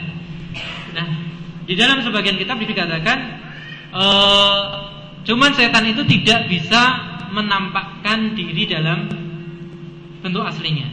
Nah, maka yang terlihat oleh sebagian manusia itu adalah dia sudah merubah dirinya dalam bentuk yang lain, nah, pocong dan sebagainya. Nah, kalau yang pernah melihat, nah, kalau beneran gitu ya. Nah, Allah alam itu seperti itu. Bagaimana dia uh, melindungi diri dari yang demikian? Ya tadi kita ingat bahwasanya setan itu lemah, bahwasanya manusia itu apa? Lebih tinggi, lebih mulia, kemudian dengan beristiazah. Tentunya kita, pembahasannya kita belum lengkap insya Allah atau dalam pembahasan yang lain antum bisa dapati. Misalnya ketika seseorang itu mengucapkan basmalah, itu setan itu mengecil, seperti apa? Seperti dubab. Dia akan mengecil seperti e, lalat. Lalat kita kan cuman kita keplak gitu aja. Kita bacakan bismillah. Kemudian ketika orang masuk ke kamar mandi, ha, itu apa? Ketika dia membaca bismillah, ha, tidak lagi bisa melihat dirinya. Nah, Allah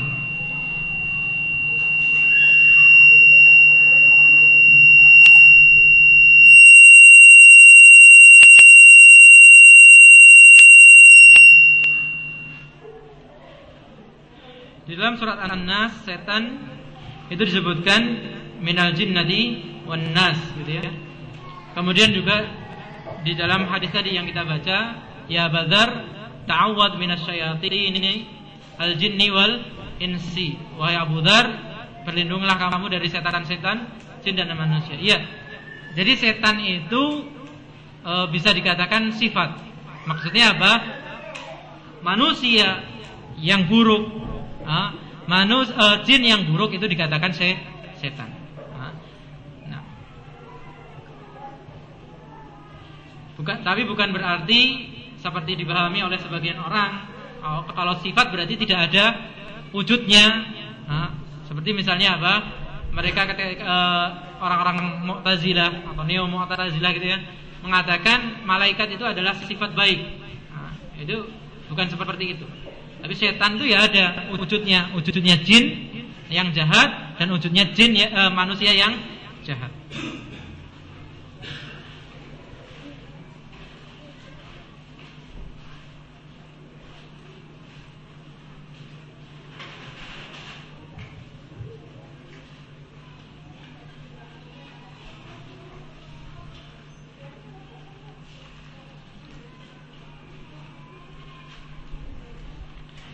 Baik, kemudian mana yang lebih baik antara lingkungan yang ada dai tapi masih bercampur filsafat. Nah, dengan lingkungan yang bersemangat menuntut ilmu walaupun masih umum gitu ya. Nah, di sini perlu diketahui apa yang dimaksudkan bercampur dengan filsafat. Maksudnya dia pernah belajar filsafat atau dia sendiri terpengaruh.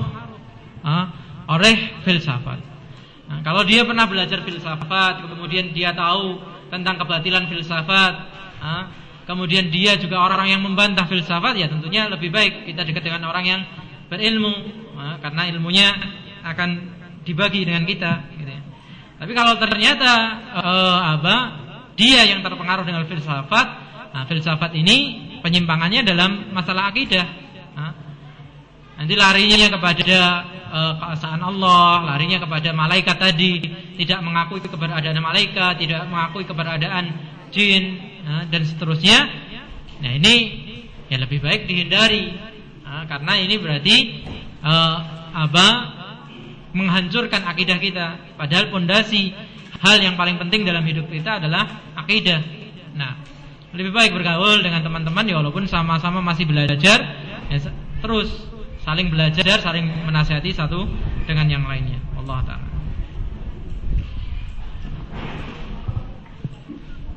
Demikian para jamaah yang semoga dirahmati oleh Allah kajian kali ini hari ini yaitu tentang melawan godaan setan.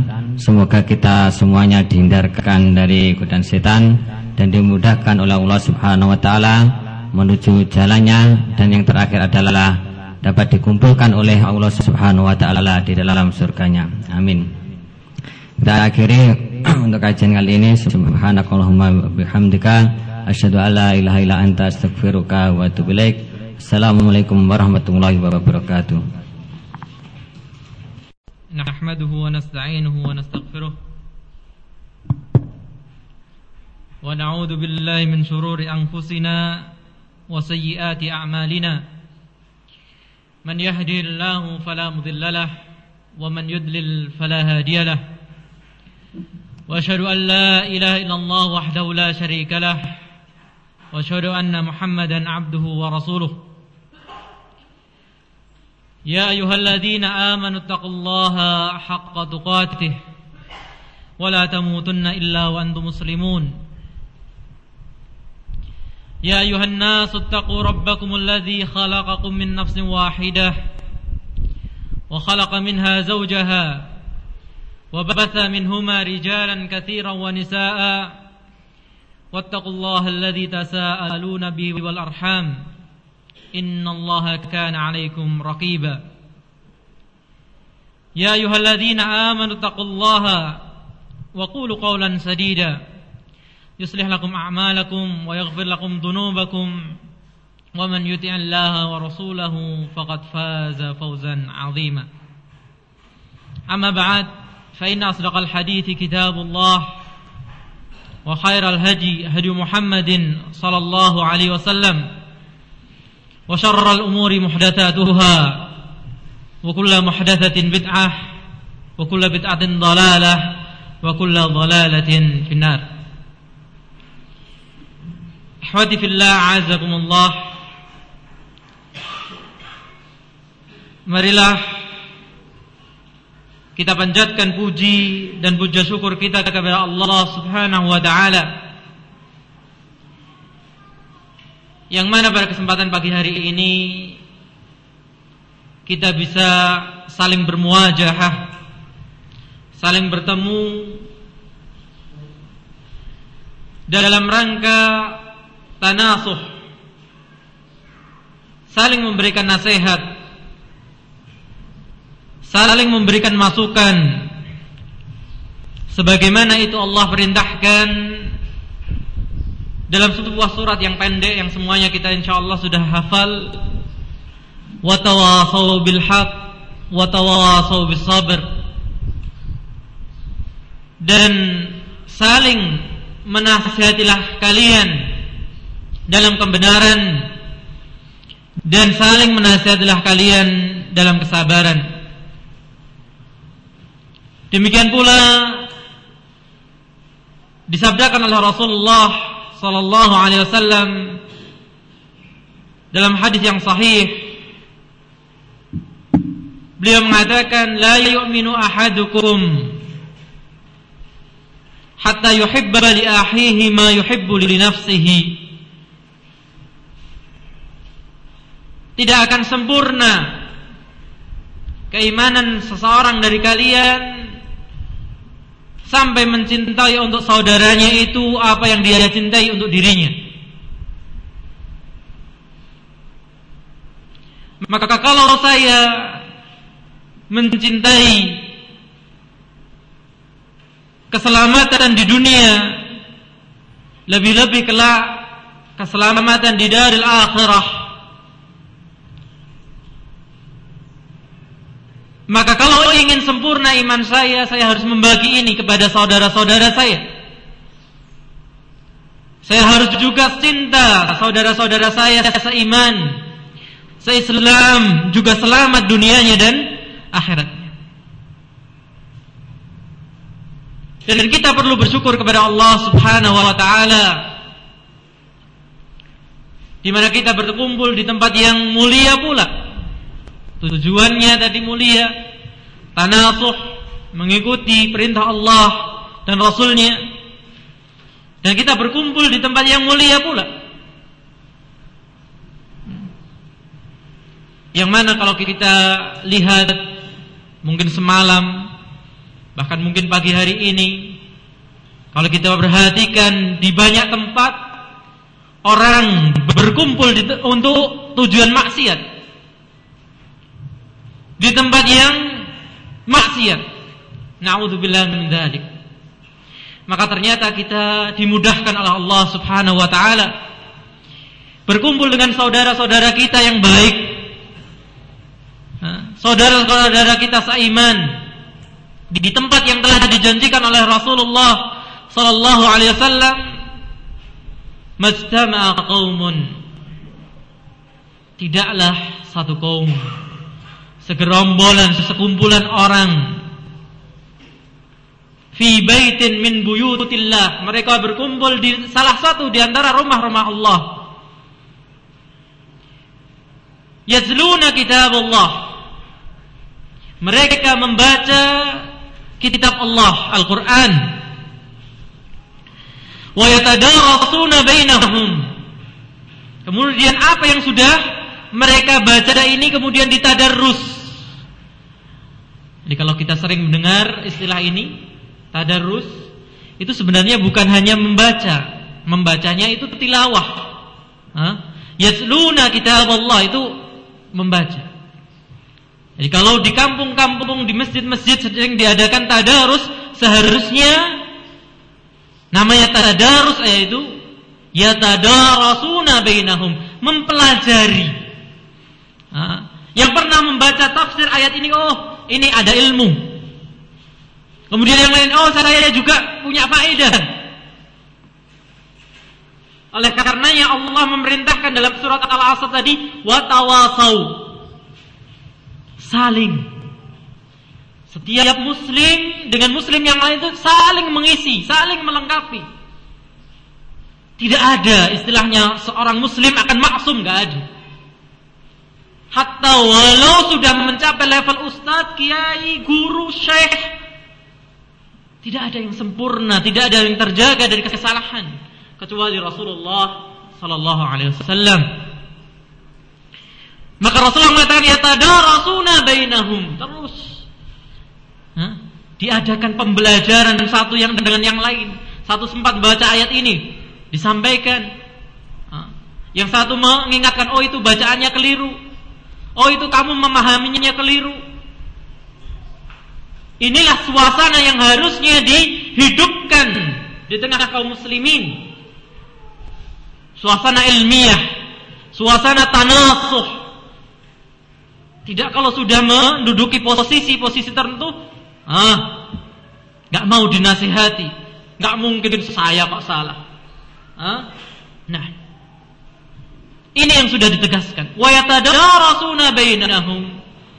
Ketika tadi kaum muslimin duduk bersama di masjid membaca Al-Qur'an, mempelajari di antara mereka, apa yang didapatkan? Tentunya yang pasti didapat adalah ilmu. Karena mereka saling belajar. Tapi ada hal lain yang Rasulullah SAW janjikan. Illa nazalat alaihimus sakinah. Tidak lain pastilah apa turun kepada mereka as-sakinah. Ketenangan ketentraman. Insyaallah ikhwah sekalian, ikhwan dan akhwat tidak pernah mendapati sebuah pengajian apa? Wah, sambil teriak-teriak. Ada pengajian yang seperti itu. Kalau tontonan ya seperti itu. Di stadion, nah, di alun-alun. Tapi nggak ada namanya pengajian kok sambil Kayak gitu. Karena apa? Karena janjikan wa nazalat alaihimus sakinah. Yang duduk di sini insya Allah lupa, mungkin punya tanggungan apa, punya hutang dan sebagainya. Sementara dilupakan dulu. Wa ghashiyatuhumur rahmah. Allah Subhanahu wa taala meliputi mereka dengan kasih sayang. Meliputi kita semua ini dengan kasih sayang. Wa humul malaikah. Dan yang melindungi kita itu bukan lagi sekedar aparat keamanan. Atau mungkin preman bayaran tidak. malaikat yang menjaga, mengepung, mengelilingi mereka. Dan yang terakhir kata Rasulullah sallallahu alaihi wasallam, "Wa dzakarallahu fi man indah." Dan yang hadir di sini ini menjadi orang yang terkenal di sana. Di sisi Allah Subhanahu wa taala. Yang mana kalau dalam hidup real kita dalam realita kehidupan kita mungkin kita ini bukan siapa-siapa. Kita mungkin baru pindah ke satu kampung karena mungkin sebagian profesinya kontraktor gitu ya, kontrak sana kontrak sini. Nah, ini mungkin masih baru di kampung itu, RT-nya pun belum kenal dengan kita, gitu ya. Tapi subhanallah sudah dikenal oleh para malaikat.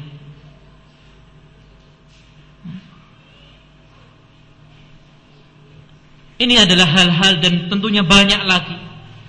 Nikmat yang Allah berikan kepada kita sehingga Allah tegaskan wa in ta'uddu ni'matallahi la tuhsuha. Enggak mungkin kita bisa menghitung satu persatu. Ini baru menghitung apa tentang duduknya kita di sini saja sudah begitu hebatnya. Maka seorang muslim tidak pernah lelah, tidak pernah berhenti dan tidak pernah lupa mensyukuri karunia dan nikmat Allah Subhanahu wa taala atas dirinya. Kemudian saya juga mengajak kepada kita untuk tidak lupa sebagaimana disabdakan oleh Rasulullah SAW la yashkurullah man lam yashkurin nas Tidaklah dikatakan kita bersyukur kepada Allah kalau kita belum bisa bersyukur kepada sama manusia. Itu alhamdulillah. Kalau kita renungkan manusia yang sekian miliar di muka bumi ini ternyata hanya sedikit yang diberikan hidayah menjadi seorang muslim. Di antara yang sedikit ini sedikit pula yang diberikan hidayah mengenal Islamnya dengan sahih. Kita khususnya di Indonesia 200 juta lebih 220 sekian juta itu muslimnya. Tapi berapa persen yang benar-benar mensyukuri keislamannya? Kemudian berapa persen di antara mereka yang benar-benar mengenal Islam sebagaimana seharusnya? Maka siapakah yang membawa keselamatan ini? Tidak lain siapa? Rasulullah Muhammad sallallahu alaihi wasallam. Maka saya mengajak untuk kita tidak lupa untuk memperbanyak memberikan salawat dan salam kepada Rasulullah sallallahu alaihi wasallam. Kemudian juga saya mengucapkan terima kasih kepada panitia yang telah uh, meluangkan waktu mereka menyiapkan segala hal untuk terselenggaranya acara ini. Semoga Allah memberikan taufik kepada para panitia kemudian kepada kita semua. Ahwati fillah rahimakumullah. Pada kesempatan yang berbahagia ini kita akan membahas sebuah permasalahan sebagaimana sudah dituliskan dalam pamflet brosur yang tersebar yaitu melawan rayuan setan. Sebuah permasalahan yang sebenarnya setiap kita sudah tahu. Bahwasannya setan itu musuh kita, setan itu mengajak kepada keburukan. Intinya kan di situ. Nah. Tapi ternyata pengetahuan ini tidak membawa kita untuk bisa selalu terjaga dari musuh. Kadang kita masih tertipu, kadang kita masih tergoda dengan rayuan musuh ini. Maka pertemuan ini adalah sedekadar tazkir. Sebagaimana Allah perintahkan, fadzakir fa inna dzikra tanfa'ul mu'minin. Mungkin permasalahan yang sudah sering kita dengar. Tapi tetap kita itu diperintahkan oleh Allah untuk selalu mengingat. Ini kalau ada nasihat, ada belajar tentang satu permasalahan, ya nggak apa-apa. Kita pelajari berpuluh-puluh kali nggak ada masalahnya. Kenapa? Bagi orang-orang yang beriman, itu akan semakin bermanfaat. Fadzakir fa inna dzikra tanfa'ul mu'minin. Berilah peringatan sesungguhnya peringatan itu akan bermanfaat bagi orang-orang yang beriman. Maka sebuah koreksi juga bagi sebagian ehwah mungkin yang sudah lama ikut kajian gitu ya. Nah, itu ada sebuah fenomena yang saya perhatikan. Nah, kalau ada kajian baru dibuka, ditanya apa yang dikaji? Hah? Oh ini kitab tauhid. Ah sudah pernah belajar. Hah? Besok lagi apa? Riyadhus Shalihin wah dulu sudah pernah. Hah? Jadi sebenarnya nggak masalah. Kita pernah mendengar suatu permasalahan bahkan berkali-kali dan itulah yang digunakan di banyak tempat nah, sekarang ini di tempat-tempat mulazamah itu yang satu kitab yang sederhana itu yang diulang-ulang. Kadang satu murid itu belajar tiga empat kali usul salatah, kitab tauhid. Nah,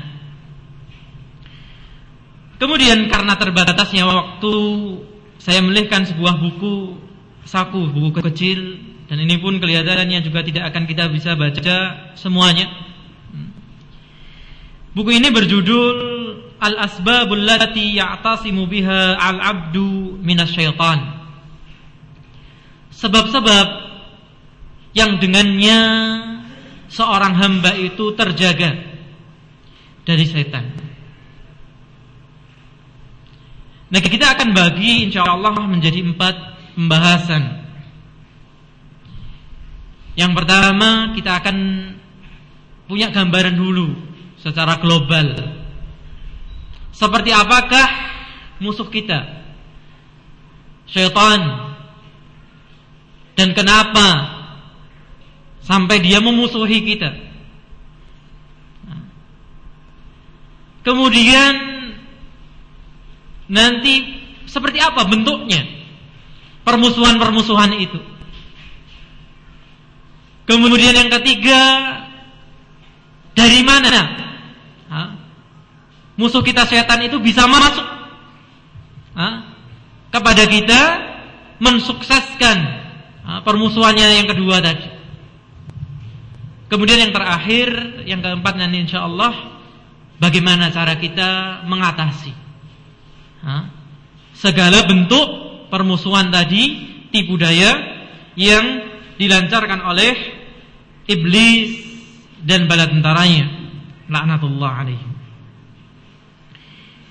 Buku ini ditulis oleh Syekh Abdullah Jarullah Ali Jarullah. Beliau mengatakan setelah uh, memberikan muqaddimah fa inna aduwallahi iblisa. Wal muslimina minhu. Huwa aduwuna alladhi akhraja abana Adam min al-jannah kita diajak ke belakang. Ke zaman awal terjadinya permusuhan ini. Siapakah yang memusuhi atau mengawali permusuhan ini? Yaitu namanya iblis. Yang mana iblis? Menurut sejarahnya sebagaimana Allah firmankan dalam surat Al-Kahfi Wa idh qulna lil malaikati isjudu li Adam fasajadu illa iblisa kana minal jinni. Fafasaqa an amri rabbih. Dan ketika kami katakan kepada para malaikat untuk bersujud kepada Adam. Dan ingat Sujud di sini bukanlah sujud ibadah. Tapi sujud apa? Sujud ikram, sujud penghormatan. Yang mana ini masih dibolehkan pada syariat umat-umat sebelum kita. Maka ketika Allah Subhanahu wa taala perintahkan para malaikat yang mana waktu itu iblis tinggal bersama mereka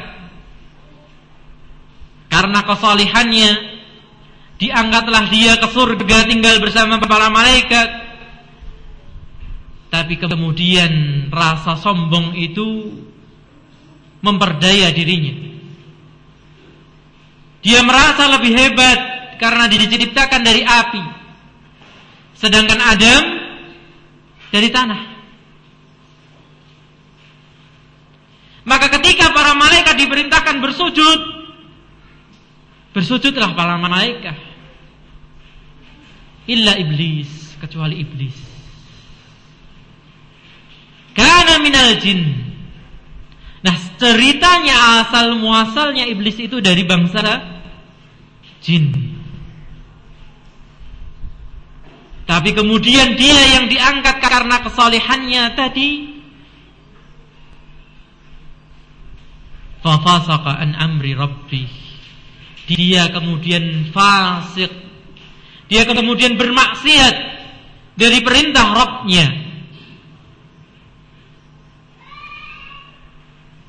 Inilah sebab musabab terjadi permusuhan yang turun temurun maka dalam kelanjutan ayat ini yang nanti kita juga akan baca afatattahidunahu wa dzurriyyatahu awliya. Dia yang sudah bermaksiat kepada Allah ini kita ditanya oleh Allah. Apakah kalian akan menjadikan iblis dan anak keturunannya itu sebagai wali-wali kalian pembela-pembela kalian, teman-teman kalian.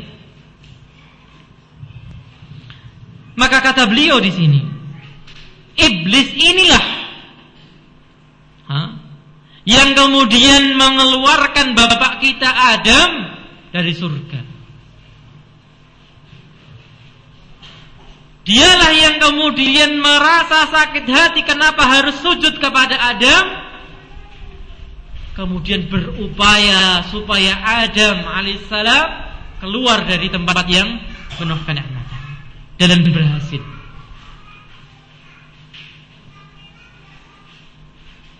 Jadi kalau kita membaca sekarang ini iklan, ha?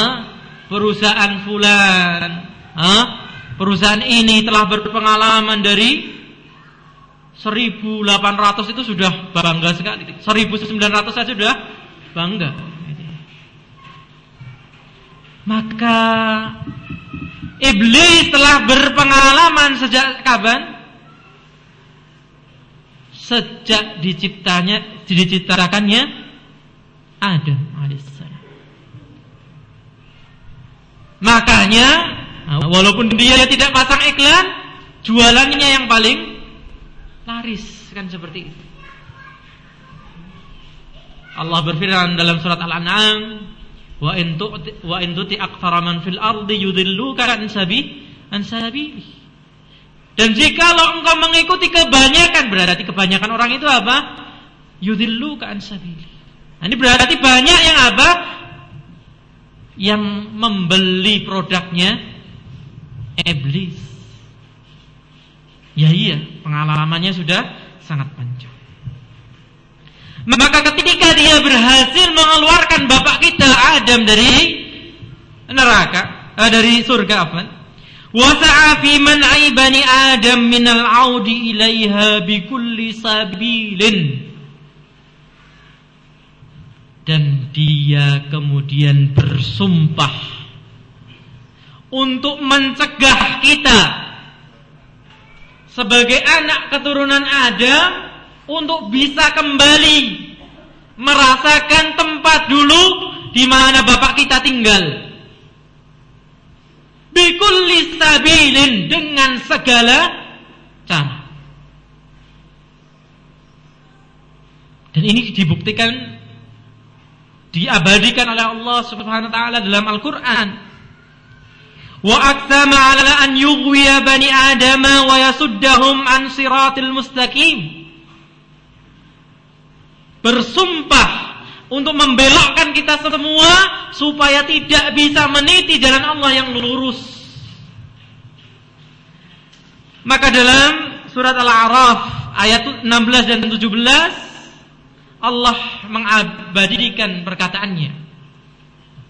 Qala dan berkatalah iblis, "Fabima aghwaytani" Ya Allah, karena engkau telah menyimpangkan aku, menyesatkan aku. Jadi dia punya alasan.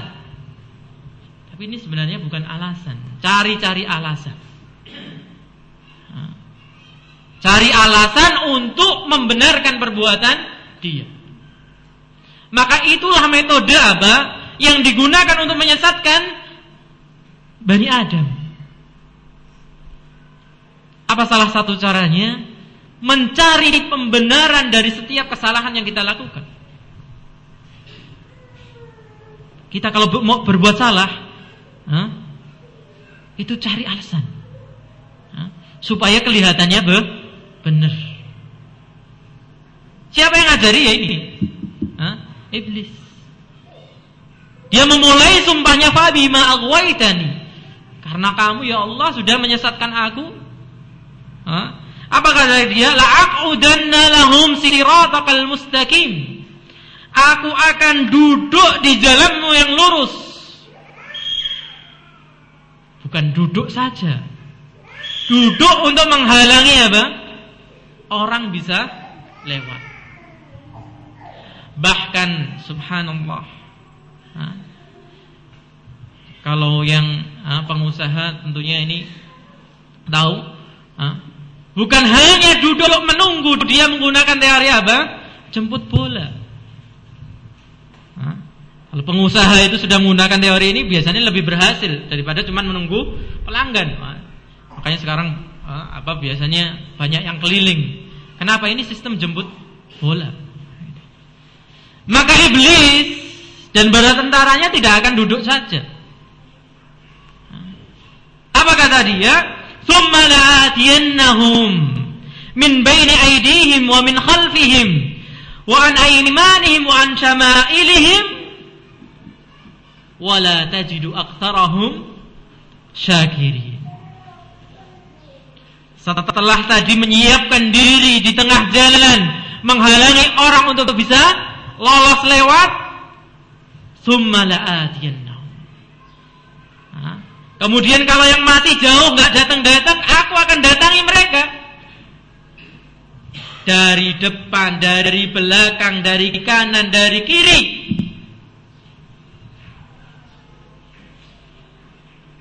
wala tajidu syakirin dan benar kalau orang sudah menggunakan ini cara apa jemput bola ini bagaimana hasilnya lebih banyak insya Allah kan gitu dan iya yang terjadi pada iblis wala tajidu aktsarahum syakirin maka tidak kamu dapat wahai Allah hambamu ini banyak yang bersyukur karena didatangi digoda oleh iblis. Wa akhbar Allah Ta'ala anna iblis saddaqa alaihim dhannahu. Dan Allah pun memberitakan kepada kita bahwasanya iblis telah benar dalam prediksinya.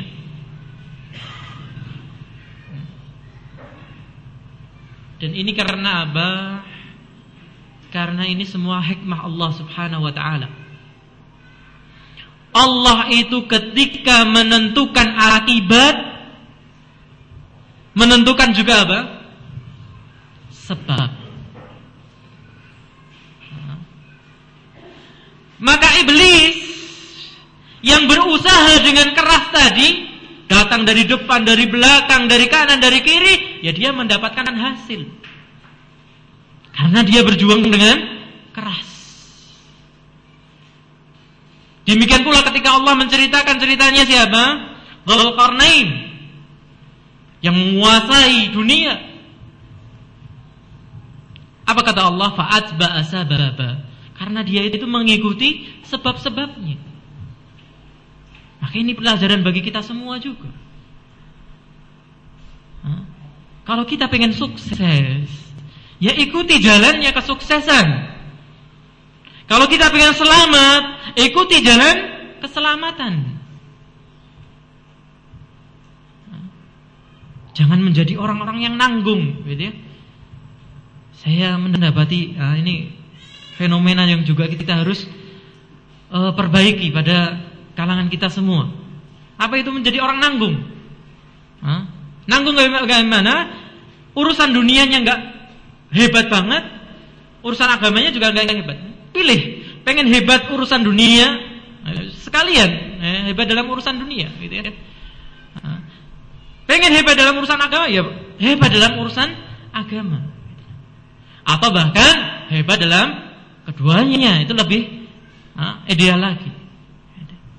Jangan apa, wah, kamu ekonominya kok masih begini? Iya, sibuk ngaji. Gitu. Tapi ngaji, tahu bertahun-tahun ngaji, cuman duduk di, ha, di antara mustamiin saja gitu. Nah, saya perhatikan di beberapa kota gitu ya. Ini dulu teman saya waktu masih ngaji dulu. Jadi bukan dalam hal menyombongkan diri, tapi ini nasihat bagi kita sama. Orang itu harus mengalami peningkatan. Antum sudah ngaji tiga empat tahun, buka halakoh, kan ngaji tiga empat tahun itu paling enggak kan sudah pernah ngaji usul halasah, kitab tauhid, riyadhus salihin mungkin Ya buka halal kecil-kecilan di rumah mungkin dengan anak istri. Hah? Kemudian mungkin kalau diberi amanah musola ya, di musola dengan yang dikenal kanan kirinya. Nah, masa sudah ngaji mungkin bertahun-tahun ya cuman duduk ngaji saja terus. Nah. nah, ini yang namanya tidak ada peningkatan. Nah. Maka lihat di sini sampai syaitan pun yang batil pun kalau dia berusaha keras mendapatkan hasilnya. Nah kita yang hak itu juga perlu usaha keras. Hah? Banyak pepatah mengatakan manjada wajada. Barang siapa bersungguh-sungguh akan dapat. Hah? Man sabara Orang sabar akan ha, mendapatkan keuntungan. Ha? Kemudian apa? Mentalabal ula sahiral ayali orang yang menginginkan ketinggian dia harus bergadang malam-malam harinya. Nah.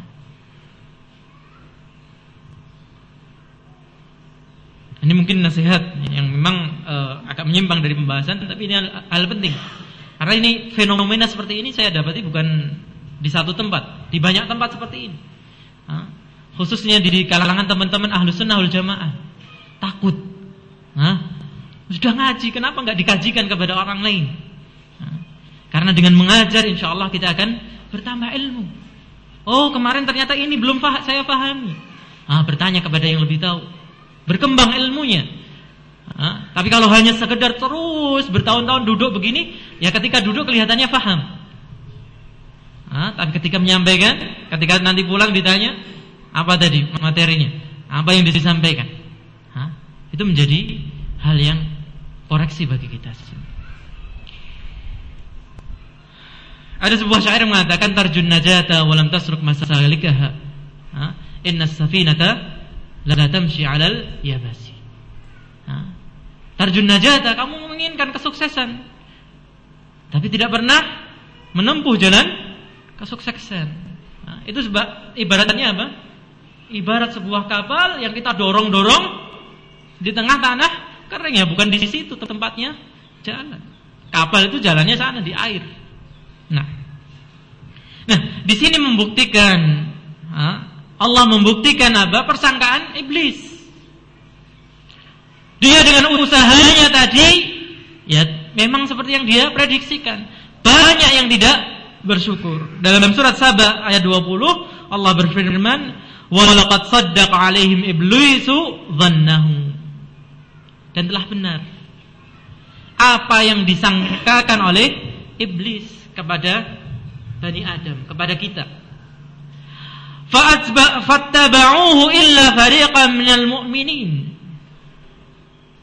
Maka kebanyakan manusia itu apa? Mengikuti. Illa fariqan minal mu'minin. Kecuali satu golongan saja. Kecuali sekelompok kecil saja minal mu'minin Kalau dilihat dari zahirnya ayat ini, maka apa? Sekelompok kecil dari orang-orang yang beriman. Berarti orang yang beriman pun kadang masih tergoda. Ini saking hebatnya usaha dia dalam menjatuhkan, merayu dan menggoda kita. Maka kita harus selalu ingat ayat ini sebuah ayat yang sebenarnya telah membongkar rahasia kebusukan iblis. Sebuah rahasia yang telah menjadi rahasia umum. Ketika Allah berfirman dalam surat Ibrahim, "Wa qala syaitanu lama amru dan berkatalah setan di mana pimpinannya adalah iblis. Lamma qudiyal amru ketika nanti segala urusan setelah diputuskan. Yaitu ketika sudah jelas ahlu surga yang masuk ke surga, ahlu neraka masuk ke neraka wal billah. Maka kemudian berdirilah iblis berkhutbah, berceramah, menyampaikan satu hal. Apa itu? Innallaha wa'adakum wa'adal haqqi. Wahai para penghuni neraka, sesungguhnya Allah Subhanahu wa taala itu telah memberikan kepada kalian janji yang benar. Yang dikatakan oleh Rasulullah SAW salah satunya dalam hadis apa? Man ata'ani dakhalal jannah wa man asani dakhalan nar. Jadi Allah telah menjanjikan yang mau beragama Islam, yang mau taat kepada Rasulullah, taat kepada Allah, mau bertauhid, itu tempatnya surga.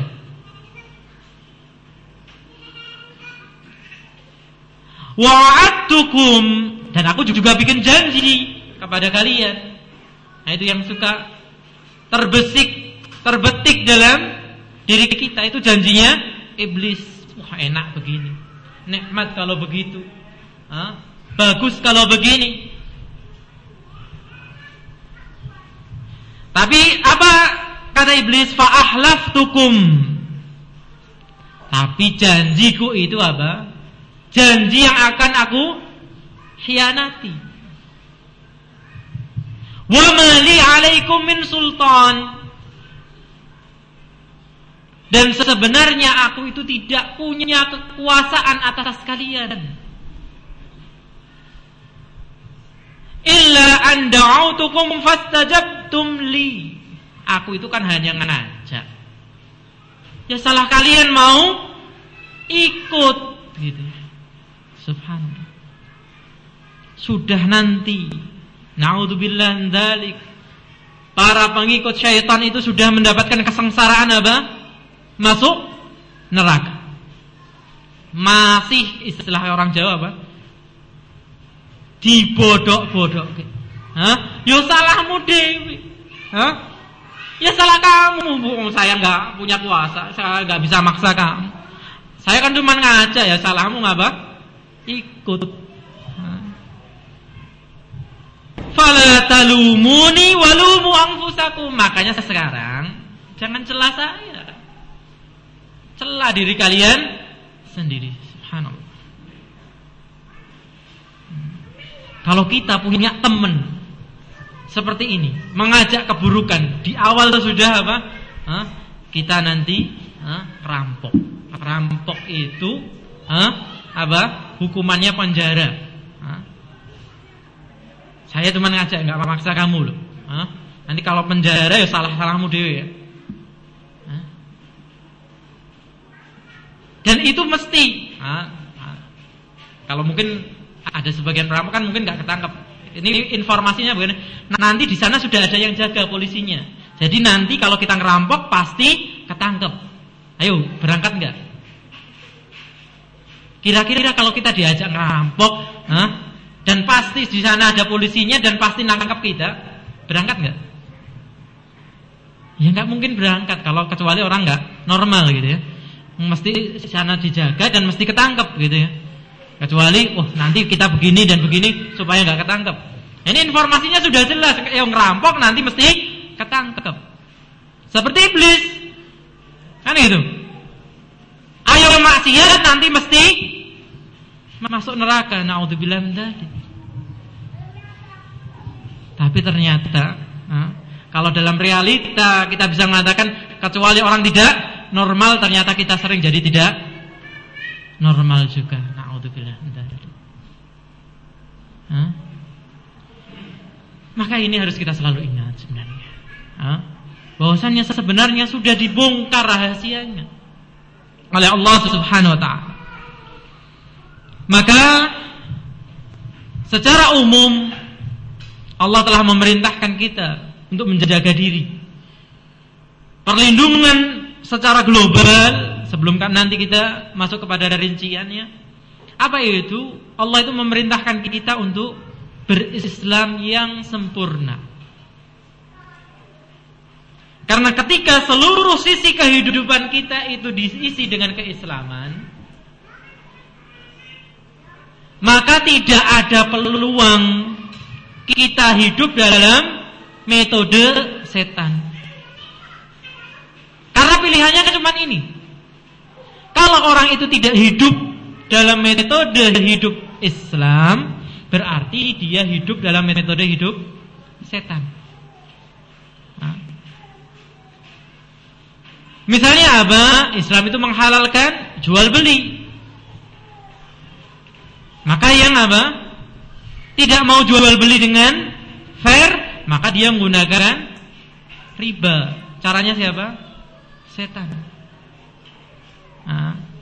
Islam mengizinkan adanya hubungan laki dan perempuan melalui apa? Nikah yang sah dan itu dengan segala syarat dan uh, apa rukunnya. Berarti kalau yang melakukan, yang punya hubungan laki dengan perempuan secara tidak sah, berarti caranya siapa? Caranya setan. Ya sudah. Seluruh hidup kita seperti itu. Nah. Maka ketika kita mengatakan seluruh hidup dengan cara Islam, jangan dibatasi bahwasanya Islam itu di sekitar tembok ini saja, tidak. Ketika kita keluar sana nanti, ha, menjadi apa? Menjadi suami, menjadi istri, menjadi anak, semuanya itu dalam Islam ada aturannya. Menjadi pegawai, menjadi atasan, menjadi bawahan, menjadi pedagang, ini ada aturannya semua dalam Islam. Maka setiap kali kita meninggalkan aturan-aturan dalam Islam berkaitan dengan kita sebagai suami, berkaitan menjadi seorang istri, menjadi berkaitan menjadi seorang anak, berkaitan menjadi seorang pegawai, menjadi atasan, menjadi bawahan, maka ketika itu pula kita memilih jalannya setan. Dalam surat Al-Baqarah ayat 208 Allah berfirman ya ayyuhalladzina amanu udkhulu fis silmi Wahai orang-orang yang beriman kalau mau masuk Islam itu masuk oleh yang kafah Kenapa Allah mengatakan kafah? Iya Seluruh hidup kita itu telah diatur dalam Islam Apa buktinya? Buktinya sangat sederhana sekali.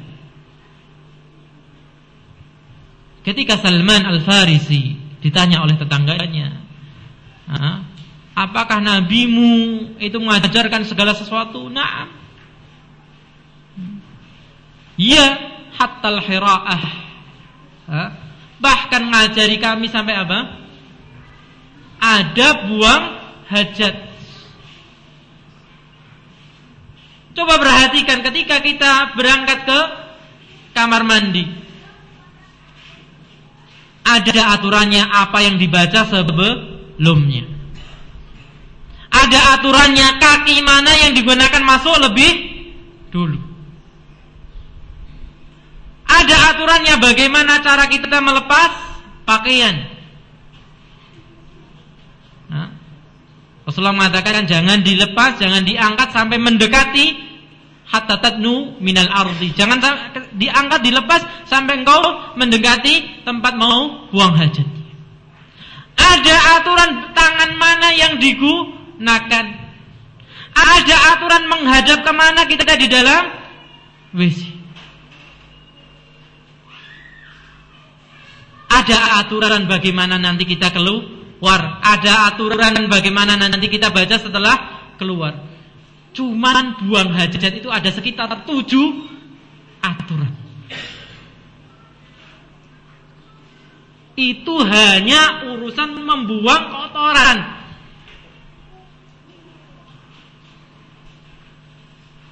Nah, bagaimana tentunya dengan urusan-urusan yang jauh lebih besar rumah tangga, bertetangga, bernegara.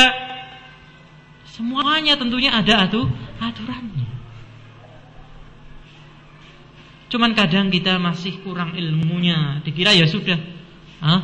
Ya Islam itu ketika kita sholat, berpuasa, berzakat itulah Islam. Hah? Tapi begitu nanti menjadi pedagang, ya sudah. Bagaimana mendapatkan untung sebesar-besarnya dengan modal kecil kecilnya. Hah? Wong yang haram aja sulit, suruh yang halal, katanya gitu. Nah, untuk ini. Nah. Maka kita diperintahkan untuk masuk kalau sudah menjadi seorang muslim itu jangan menjadi seorang muslim yang nanggung. Masuk sudah. Seluruhnya. Kenapa?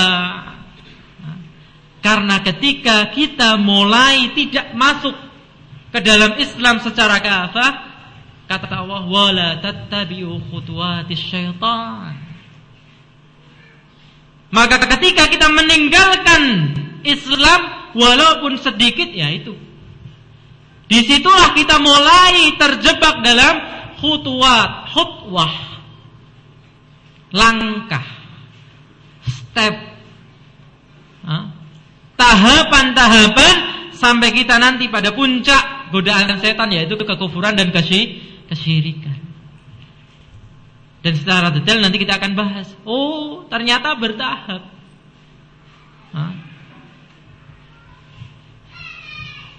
Karena apa? Karena tadi kita sudah ungkapkan. Setan itu pengalamannya bukan kemarin sore. Hah? Sehingga menggoda kita wah huh? dengan emosinya nggak mau kaplokin enggak caranya sangat halus.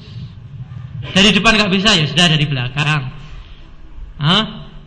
dari belakang tidak tergoda jawil kanannya. Huh? kanannya bisa kirinya. Pokoknya sampai berhasil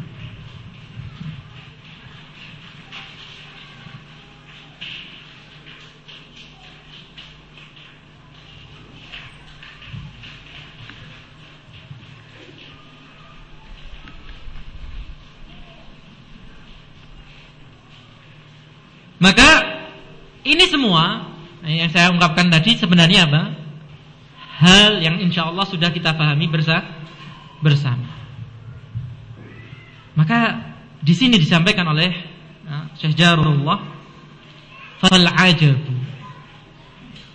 Maka hal yang sangat mengherankan apa itu? Mimman arafa rabbahu thumma asahu di awal tadi kita mengajak bersyukur. Kenapa? Karena Allah itu memberikan nikmat kepada kita sangat banyak. Wa in ta'uddu ni'matallahi la tuhsuha. Nah, dan jika kalian menghitung nikmat Allah itu tidak akan mungkin bisa menghitungnya. Nah, walaupun kadang apa kebanyakan manusia sampai pun kaum musliminnya menghitung nikmat itu dengan apa? Nominal yang dia terima setiap bulan, gitu ya. Lihat slip gajinya bulan ini berapa? Ada bonusnya enggak? Ah, rezeki saya kok berkurang. Ah, bulan ini banyak potongannya, ah, banyak ngutangnya ya sana. Ah. Atau misalnya yang dagang setelah ah, selesai pembukuan bulan ini, alhamdulillah, ah, rezeki saya sekian bulan. Ini sering kita menghitung nominal, uh, menghitung rezeki, menghitung nikmat itu dari apa? Nominal. Padahal kita lihat kesehatan. Itu kalau mau diuangkan berapa? Hah? Enggak bisa diuangkan. Kita oksigen satu huh? meter kubik itu aja sudah sekian puluh, bahkan ratusan ribu kadang ya. Nah, ini, nah, oksigen yang kita nikmati uh, dengan bebas gitu ya. Karena kita sehat kan nggak perlu dibantu. Sudah. Kemudian yang sudah nikah, ha? punya istri salihah, ha? punya istri yang nurut, punya istri yang bisa segalanya, gitu ya. Itu kalau mau dinilai dengan, uang mau ditukar berapa miliar, boleh? Hah? punya anak-anak yang soleh dan solihah. Itu berapa miliar? Sewa sudah kalau mungkin disewakan per bulannya. Hah? Jadi nikmat itu bukan hanya nominal yang kita terima setiap bulan, eh sekalian. Hah? Banyak hal yang kita di sekitar kita kita nikmati, rumah tangga yang rukun, tetangga yang baik, itu semuanya subhanallah kalau diuangkan itu nggak nggak cukup uang yang ada di di dunia. Seperti itu. Maka kata penulis di sini sungguh sungguh mengherankan orang yang telah kenal Rabbnya tapi masih bermaksiat kepada Wong Allah itu api kayak gitu loh. Kok kita masih bandel? Kita masih bermaksiat, gitu dan mengherankan juga wa arafa syaitana fa'ata'ahu dan kita juga telah mengerti paham tentang setan kata-katanya singkat tadi setan itu mengajak kepada maksiat maksiat itu mesti neraka sebagaimana dalam hadis Rasulullah mengatakan innal kadhiba yahdi ilal fujur wa innal fujura yahdi ilan nar Bohong itu mengajak kita kepada apa? Berbuat maksiat. Nah, karena kenapa orang itu bohong? Karena ingin menutupi kemaksiatan. Nah, makanya namanya bohong itu mesti mengajak kita kepada maksiat. Wa innal fujura yahdi ilan Ya, kalau sudah maksiat nanti mengajak kita kepada neraka. Ini sudah pasti. Tapi apa? Fa'ata'ah kadang atau sering kita itu mentaati setan. Allah berfirman, "Afatattakhidunahu wa dzurriyyatahu awliya'a min duni wa hum lakum aduwwun mubin." Bi'salidz zalimina badala. Apakah kalian wahai anak manusia mengambil setan iblis dan bala tentaranya dan anak keturunannya itu sebagai teman. Padahal dia itu sebagai musuh, seharusnya dia diambil sebagai musuh. Maka bi'salil zalimin badala. Sungguh jelek. Apa? Garanti yang dipilih oleh orang-orang yang zalim nikmat dibalasi dengan maksiat, ah, neraka, ah, maksiat dibalasi dengan taat. Nasallahu salamah wal afiyah. Ini pembahasan kita yang pertama, gambaran umum tentang setan. Nah, semoga ini menjadi pengingat kita ini sebenarnya adalah hal yang jelas sudah tertanam semua kita insya Allah sudah tahu hal ini. Semoga ini menggugah kita semua untuk tidak tergoda oleh rayuan setan. Nah kemudian poin kita yang kedua adalah dalam bentuk apakah yang lebih terperinci setan itu mengganggu menggoda kita. Jadi kan tadi secara global yang pokoknya dia mengajak kita maksiat. Maksiat kemudian supaya kita masuk neraka bersama dia.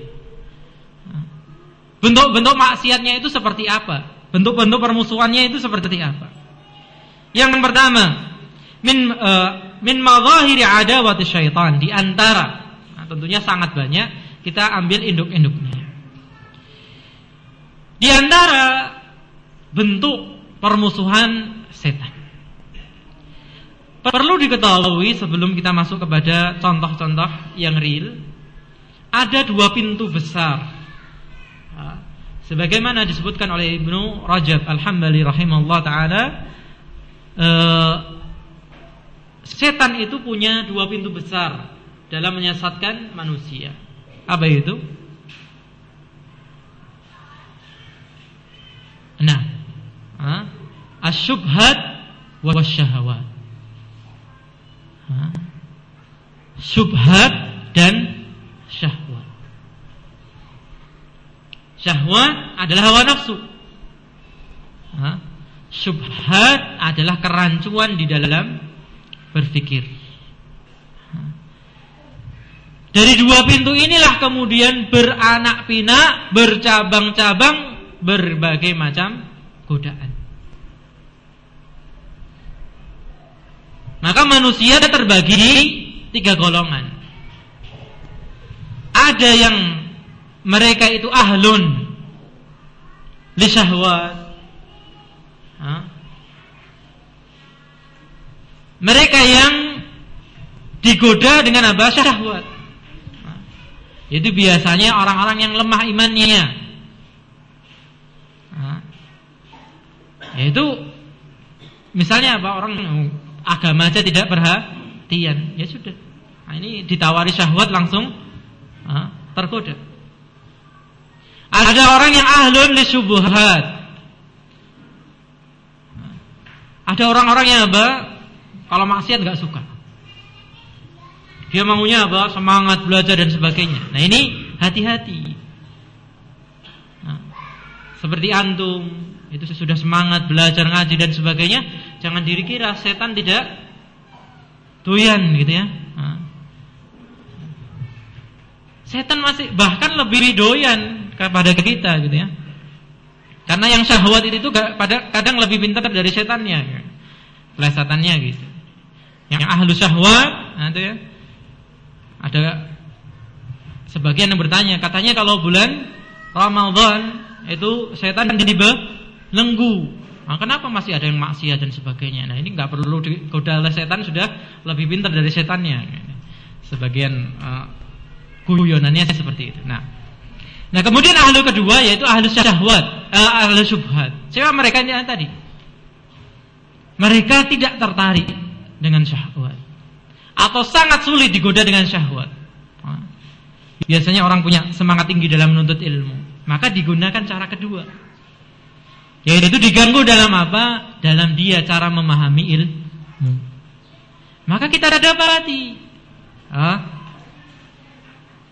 di Indonesia saja kelihatannya kan semangat, tapi ternyata misalnya apa? Sholat diterjemahkan Saking semangatnya ngaku jadi nabi, nah, gitu ya. Saking semangatnya saudaranya sesama muslim dibom. Ini. semua juga godaan se setan. Kebablasan semangatnya karena tidak direm dengan il ilmu.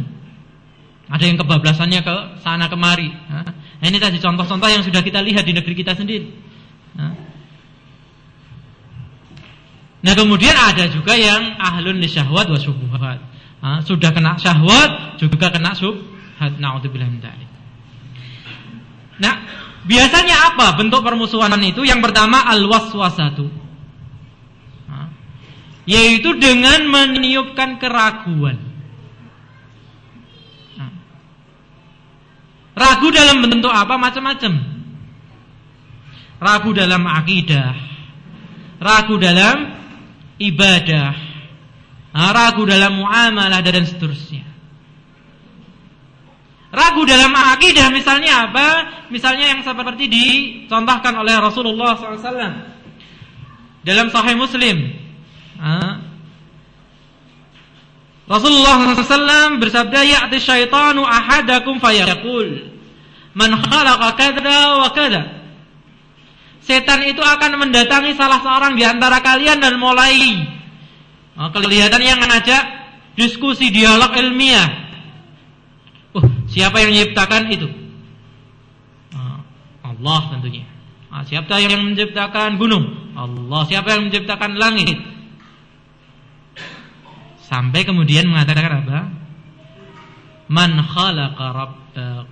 Nah, kalau begitu semuanya ciptaan Allah Lalu siapa yang menciptakan? Allah. Nah, ini kadang apa? Terbetik dalam hati kita. Ini dari syaitan kata Rasulullah SAW. Rasulullah mengatakan apa? Fa idza balaghu falyasta'in billah wa la yantahi. Maka kalau orang yang kena seperti ini, maka segera minta perlindungan dari Allah. Baca a'udzubillahi rajim. Kemudian yantahi, sudah, nggak usah diteruskan diskusinya dengan setan. Dengan setan diajak diskusi.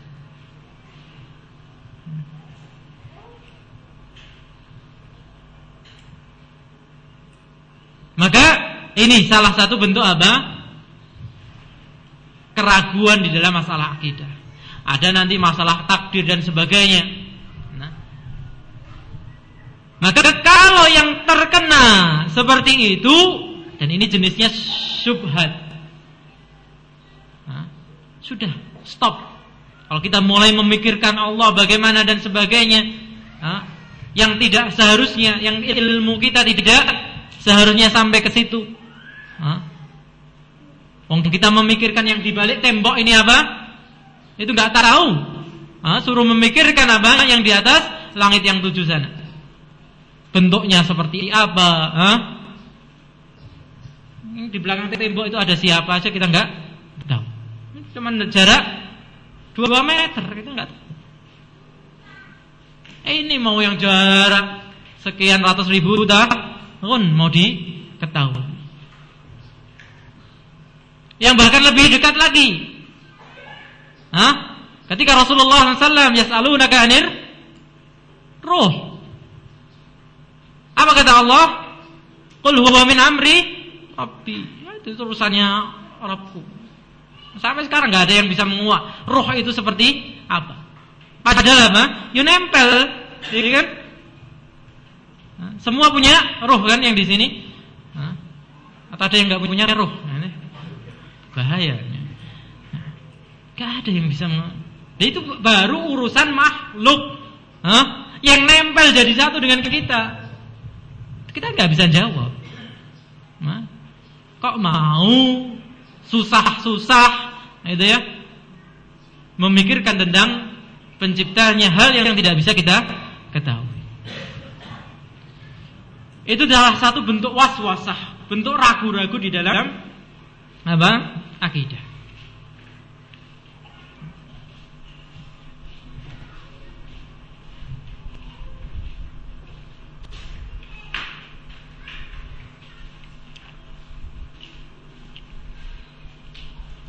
Kemudian lagi misalnya ragu-ragu dalam ibadah. Ini banyak bentuknya. Misalnya? Ragu-ragu wudhunya sudah sempurna atau belum. Oh, sudah selesai wudhu balik lagi. Oh, kelihatannya tadi masih ada yang belum kena. Balik lagi. Kerjanya apa? Bolak balik antara masjid dan dengan tempat wudhu. Atau ragu-ragu karena sudah kentut atau belum. Bolak balik antara tempat wudhu dan masjid. Bentuk ragu-ragu misalnya apa? Tidak mantap.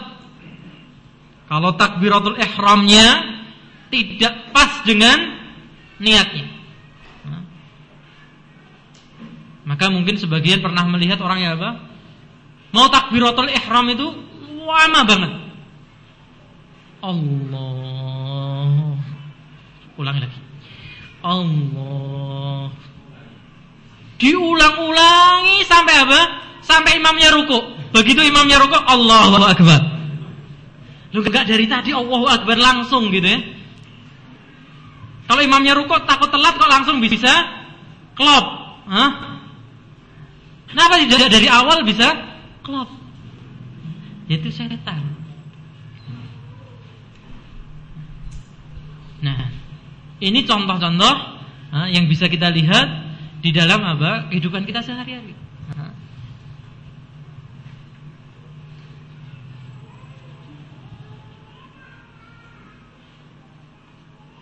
Pernah seorang sahabat yang namanya Utsman ibn Abil As radhiyallahu anhu mengeluhkan mengaju kepada Rasulullah sallallahu alaihi wasallam. Dia mengatakan, "Ya Rasulullah, Inna syaitana qad hala baini wa baina salati wa baina qiraati yulabbisuha alayya.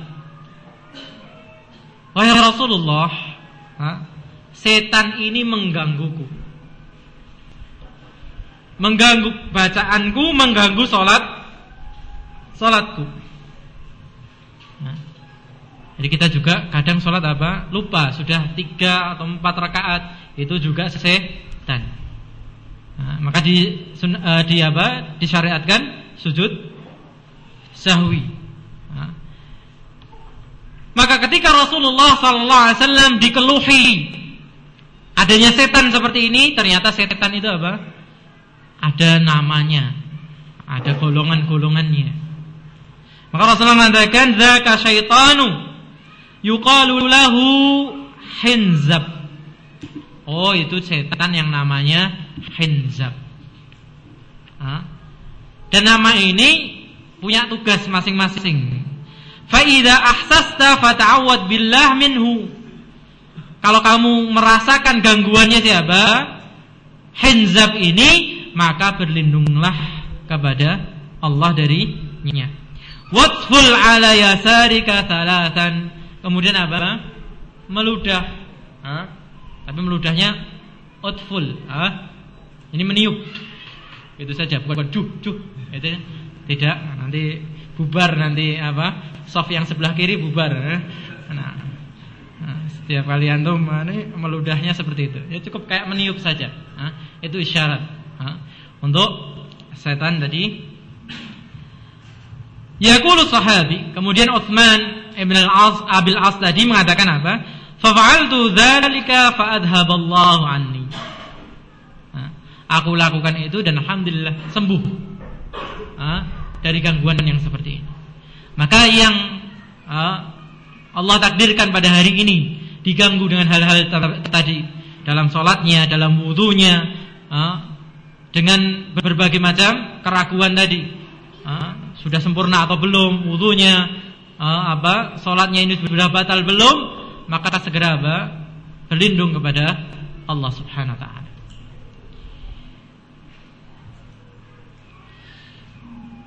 Bentuk kedua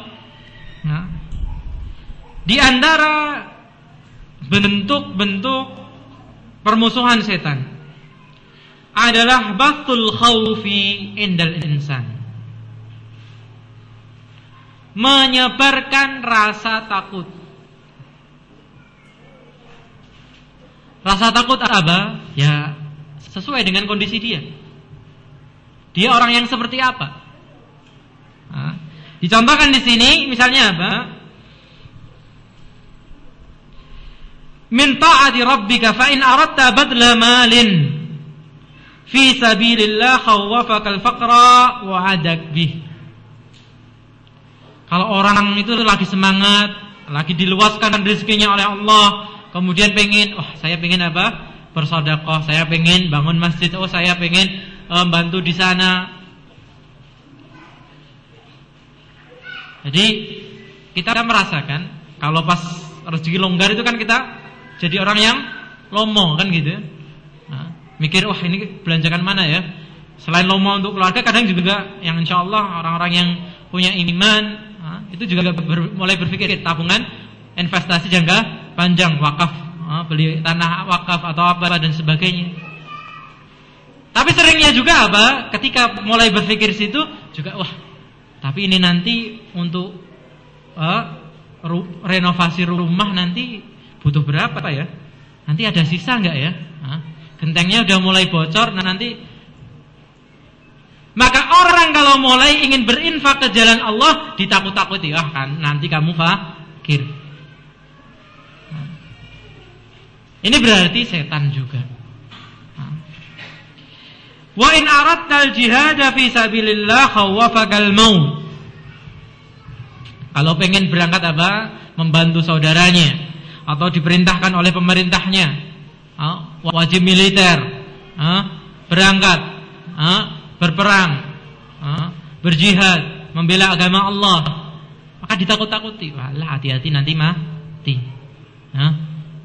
Enggak apa-apa mati. Oh. Apa? Mati syahid. Oh, mati itu nggak gampang loh. Hah? Dikatakan di sini apa? Ma'al mauti harrus silahi wa syiddatil a'da. Hati-hati, mati itu nggak gampang. Hah? Senjata musuh itu panas. Hah? Nanti kalau sembelih sama musuh kamu disembelih pelan-pelan gimana? Hah? Kalau dicincang-cincang dulu gimana? Nah, ini takut-takut. Wa in aradtal amra bil ma'rufi wan nahya 'anil mung wa nahya 'anil munkari waqafa laka mukhawwifan bisu'il aqibah. Kalau kita ingin mengajak orang berbuat baik atau melarang orang berbuat buruk. Maka apa? Muhadziran bil istihza'in nasi minka. Kamu nanti kalau ngajak orang dilecehkan. Kamu siapa sih? Hah? Sudah bisa bahasa Arab tuh. Hah? Nanti dibilang gitu loh. Hah? Nanti bilang oh, baru ngaji, Hah? kemarin aja baru setahun ngaji terus ngajari, Nanti di, malah dicaci maki. Ini kita rasakan juga dari setan. Hah? Alaika bi khasati nafsika wa da'anka an-nas falan yastajibu lak. Sudah. Urusan masing-masing. Kalau dia masuk neraka ya sudah nanti biar ditanggung sendiri. Ini semua adalah setan. Bentuk keduanya apa tadi? Rasa takut. Nah, rasa takut dalam berbuat baik. Baik dalam infak, baik dalam dakwah, baik dalam apa saja maka itu adalah salah satu bentuk godaan setan. Yang ketiga atau dalilnya salah satunya misalnya dalam surat Ali Imran ayat 175 Allah berfirman innama dzalikumus syaitanu yukhawwifu awliya'ah yang demikian itu rasa-rasa takut itu adalah dari mana? dari setan. Yang mentakut-takuti siapa? Para walinya.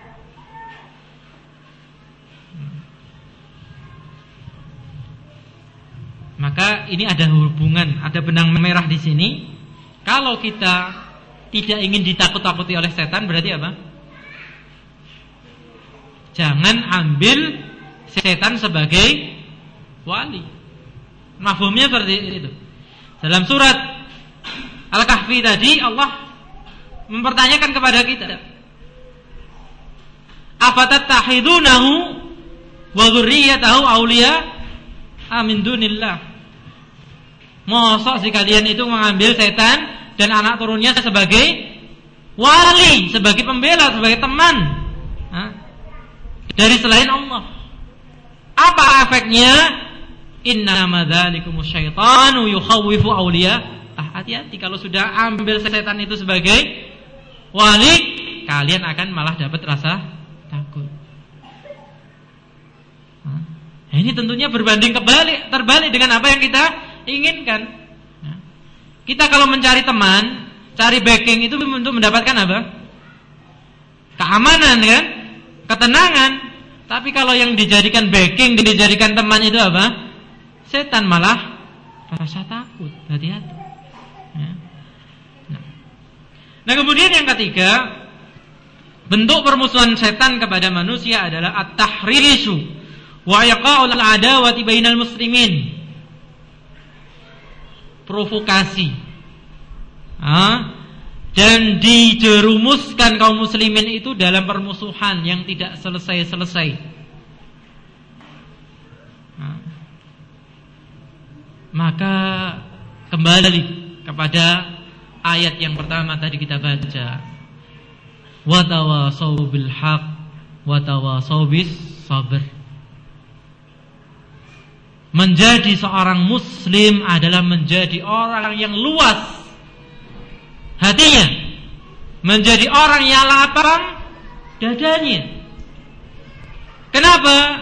Karena sehebat apa pun kita mesti ada kekurangannya. Siap untuk dikoreksi, siap untuk dibetulkan. Enggak setiap orang memberikan nasihat kemudian kita tuh curigai. Tidak setiap orang datang memberikan kebenaran kita suudzon. Ini yang terjadi di kalangan kita kaum muslimin secara umum. Jadi kalau orang datang mengatakan ini yang hak, ha? ini loh, ha? akidah yang sahihah, ha? ini loh yang nyunnah, ha? itu sudah dicurigai dulu. Ah, ya ini mau merebut ha? pengaruh, ini mau begini, ini mau begitu, dan sebagainya. Karena itu yang selama ini terbangun. Yang menasehati pula juga harus dengan cara yang baik dan siap dinasihati kembali. Jangan kemudian yang menasihat juga merasa dirinya saya beri, membawa al-haq, mesti semuanya hak. Dalam membawa al-haq itu ada uslub, ada cara. Harus ditimbang mana yang didahulukan dan mana yang bisa diah akhirkan. Oleh karenanya Rasulullah sallallahu alaihi wasallam mengatakan kepada istri beliau Aisyah radhiyallahu anha Laula hadithu ahdi ummatiki bikufrin lahadamtul ka'bata wa banaituha ala qawaid Ibrahim. Wahai Aisyah, seandainya itu loh kaum orang Mekah itu enggak baru saja masuk Islam, hmm, mereka baru saja meninggalkan apa kekufuran dari kesyirikan, masuk kepada keislaman. Jadi imannya masih lemah. Itu akan saya hancurkan Ka'bah kata Rasulullah. Kenapa? Ka'bah itu yang ada sekarang bangunannya tidak sesuai dengan ha, bangunan yang dulu dibangun oleh Nabi Ibrahim. Nah, seharusnya itu sampai pada yang ada lengkungannya itu. Yang dinamakan Hajar Ismail. Nah, itu bangunannya seharusnya berbentuk seperti itu. Nah, di sini apa? Persegi kemudian di ujungnya bulat lengkung. Nah, Maka tentunya sebuah kebaikan mengembalikan Ka'bah sebagaimana mestinya. Tapi ada hal yang menghalangi kebaikan ini, Abah. Kalau Ka'bah dihancurkan sedang orang Mekah baru saja masuk Islam apa kata orang Mekah? Bukan kata dunia ya. Apa kata orang Mekah? Oh ini Ka'bah yang kita muliakan kok dihancurkan gimana katanya? Ini membela Ka'bah. Huh? Islam itu kiblatnya ke Ka'bah. Ini Ka'bahnya malah dihancurkan. Bisa menimbulkan Nah, Sebagaimana pula ketika Rasulullah sallallahu alaihi wasallam bermuamalah dengan siapa? Orang-orang munafik. Orang munafik itu hukumnya apa? Hukumnya apa? Innal munafiqina fi darkil asfali minan nar. Orang-orang munafik itu diintipnya di tempat yang paling dasar dari api neraka. Berarti apa hukumnya? Kafir. Apakah kemudian karena orang munafik itu kafir disembelih sama Rasulullah SAW? Tidak. Bahkan pentolannya munafik siapa itu? Abdullah bin Ubay bin Salul yang sudah berkali-kali membuat makar, bahkan anaknya sendiri sudah pengen nyembelih karena makarnya dia. Itu bagaimana Rasulullah bermuamalah dengan mereka? Ya sudah, biarkan. Karena orang munafik itu apa? Menampakkan keislaman, menyembunyikan kekufuran. Lah kalau orang lain mengenalnya dia apa? Muslim. dibunuh oleh Rasulullah. Apa kata Rasulullah? Bagaimana nanti? Orang akan mengatakan inna Muhammadan qatala ashabah. Wah ini Muhammad mulai apa bunuhi para sahabatnya. Ada apa ini? Persaingan kekuasaan kah atau apa? Ini gitu. Ya. Jadi kebenaran kebaikan nah, ini agak melenceng sedikit juga nasihat bagi kita semua. Kebenaran dan kebaikan tidak harus dijadikan satu paket brek ketika menyampaikan. Hah? Harus ditata bagaimana kondisi orang yang kita sampaikan, mana yang harus didahulukan. Mana yang bisa diakhirkan, mana yang bisa ditunda, ditunda dulu. Ini menunjukkan dua contoh tadi menunjukkan Rasulullah SAW pun dengan cara ha, menyampaikan kebenaran. Tidak yang penting, wah saya hak, ha, kamu menerima mau tidak, ya, terserah kamu itu nanti urusan kamu sama Allah. Ha, mungkin saya sudah menyampaikan ya, tapi kalau menyampaikan tidak santun, tidak tahu usrupnya, tidak tahu mana yang harus didahulukan, ini juga tidak. Maka menyampaikan yang hak harus dengan uslub yang hak pula. Dengan cara yang hak pula. Nah. Maka setan ingin mengadakan provokasi. Ingin mengadakan permusuhan di tengah-tengah kita. Allah Subhanahu wa taala berfirman dalam surat Al-Maidah ayat 91, "Innama yuridu syaitana Innama yuridu syaitanu an yuqi'a bainakumul adawata wal baghdha. Sesungguhnya setan itu ingin mengadakan menjerumuskan kalian dalam permusuhan dan kebencian.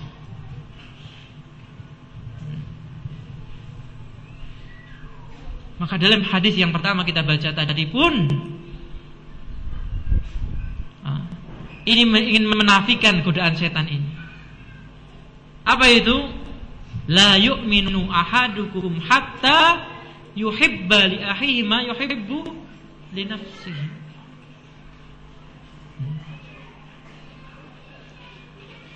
Alamat sempurnanya iman itu dengan mencintai bagi saudaranya.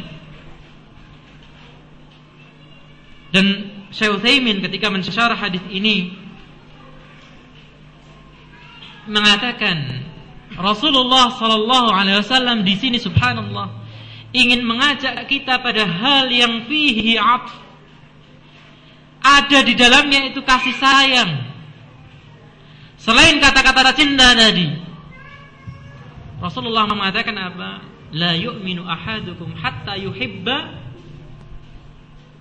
li di akhihi. Siapakah ahu di sini yang dimaksudkan? Saudaranya sesama muslim. Kenapa Rasulullah SAW tidak mengatakan langsung la yu'minu hatta yuhibba li muslimin ma yuhibbu nafsihi, tapi menggunakan li ahi supaya kita lebih merasa dekat. Hah? Dengan saudara kita sesama muslim. Ibarat saudara kita sekandung bahkan lebih utama. Ukhuwah Islamiyah inilah yang akan kekal sampai hari kiamat. Kekal sampai kita nanti insya Allah menghuni surga Allah. Kalau ukhuwah nasabiyah, persaudaraan karena apa? Nasab karena keturunan. Kalau akidahnya berbeda ya sudah, kita akan berpisah jalan. Maka seharusnya seperti ini kita dengan saudara kita sesama muslim. Jangan sampai kita menjadi orang-orang yang terprovokasi oleh syaitan. Menjadi orang-orang yang terjerat perangkap syaitan dalam permusuhan.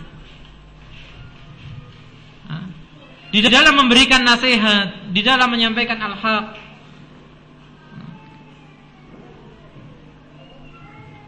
itu ibarat para ulama memberikan permisalan ketika kita mendapati saudara kita yang terjatuh ke dalam kesalahan, kesyirikan, kebid'ahan, kemaksiatan.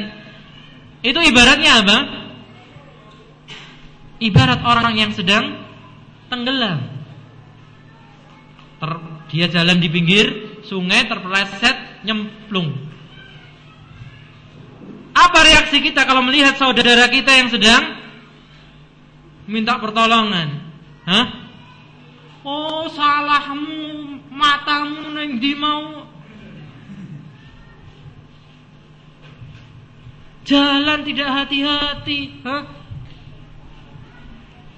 Apakah seperti itu? Kan tidak. Kita berusaha bagaimana caranya sesegera mungkin apa? Menolong dia, menggapai dia. Kan seperti itu. Maka ini kita perlu memperbaiki, kita kadang perlu koreksi diri. Dalam menyampaikan kebenaran-kebenaran ini jangan sampai uh, salah cara sehingga malah terjatuh dalam apa? perangkat setan. Yang semakin memperbesar apa? permusuhan uh, di kalangan kaum muslimin. Karena dakwah tauhid adalah dakwah apa? mempersatukan umat. Lihat buktinya sudah nyata. Di Madinah ada dua kabilah terbesar yaitu apa? Al-Aus wal Khaz wal Khazraj yang selama ratusan tahun itu nggak bisa rukun. Hah? Tapi kemudian ketika datang Islam, Hah? Allah taklif hati mereka, Allah jadikan mereka itu bersaudara. Gitu ya perang suku yang berlangsung sekian ha, ratus tahun turun temurun itu bisa ditersatukan dengan Islam. Maka sebuah pertanyaan besar, ketika kita berislam kalau malah semakin bermusuhan, berarti Islam kita masih terjebak dalam perangkap syaitan. Nah, tapi Allah taala alam. Nah, ini kita istirahat dulu berapa menit? 10 menit. Ya.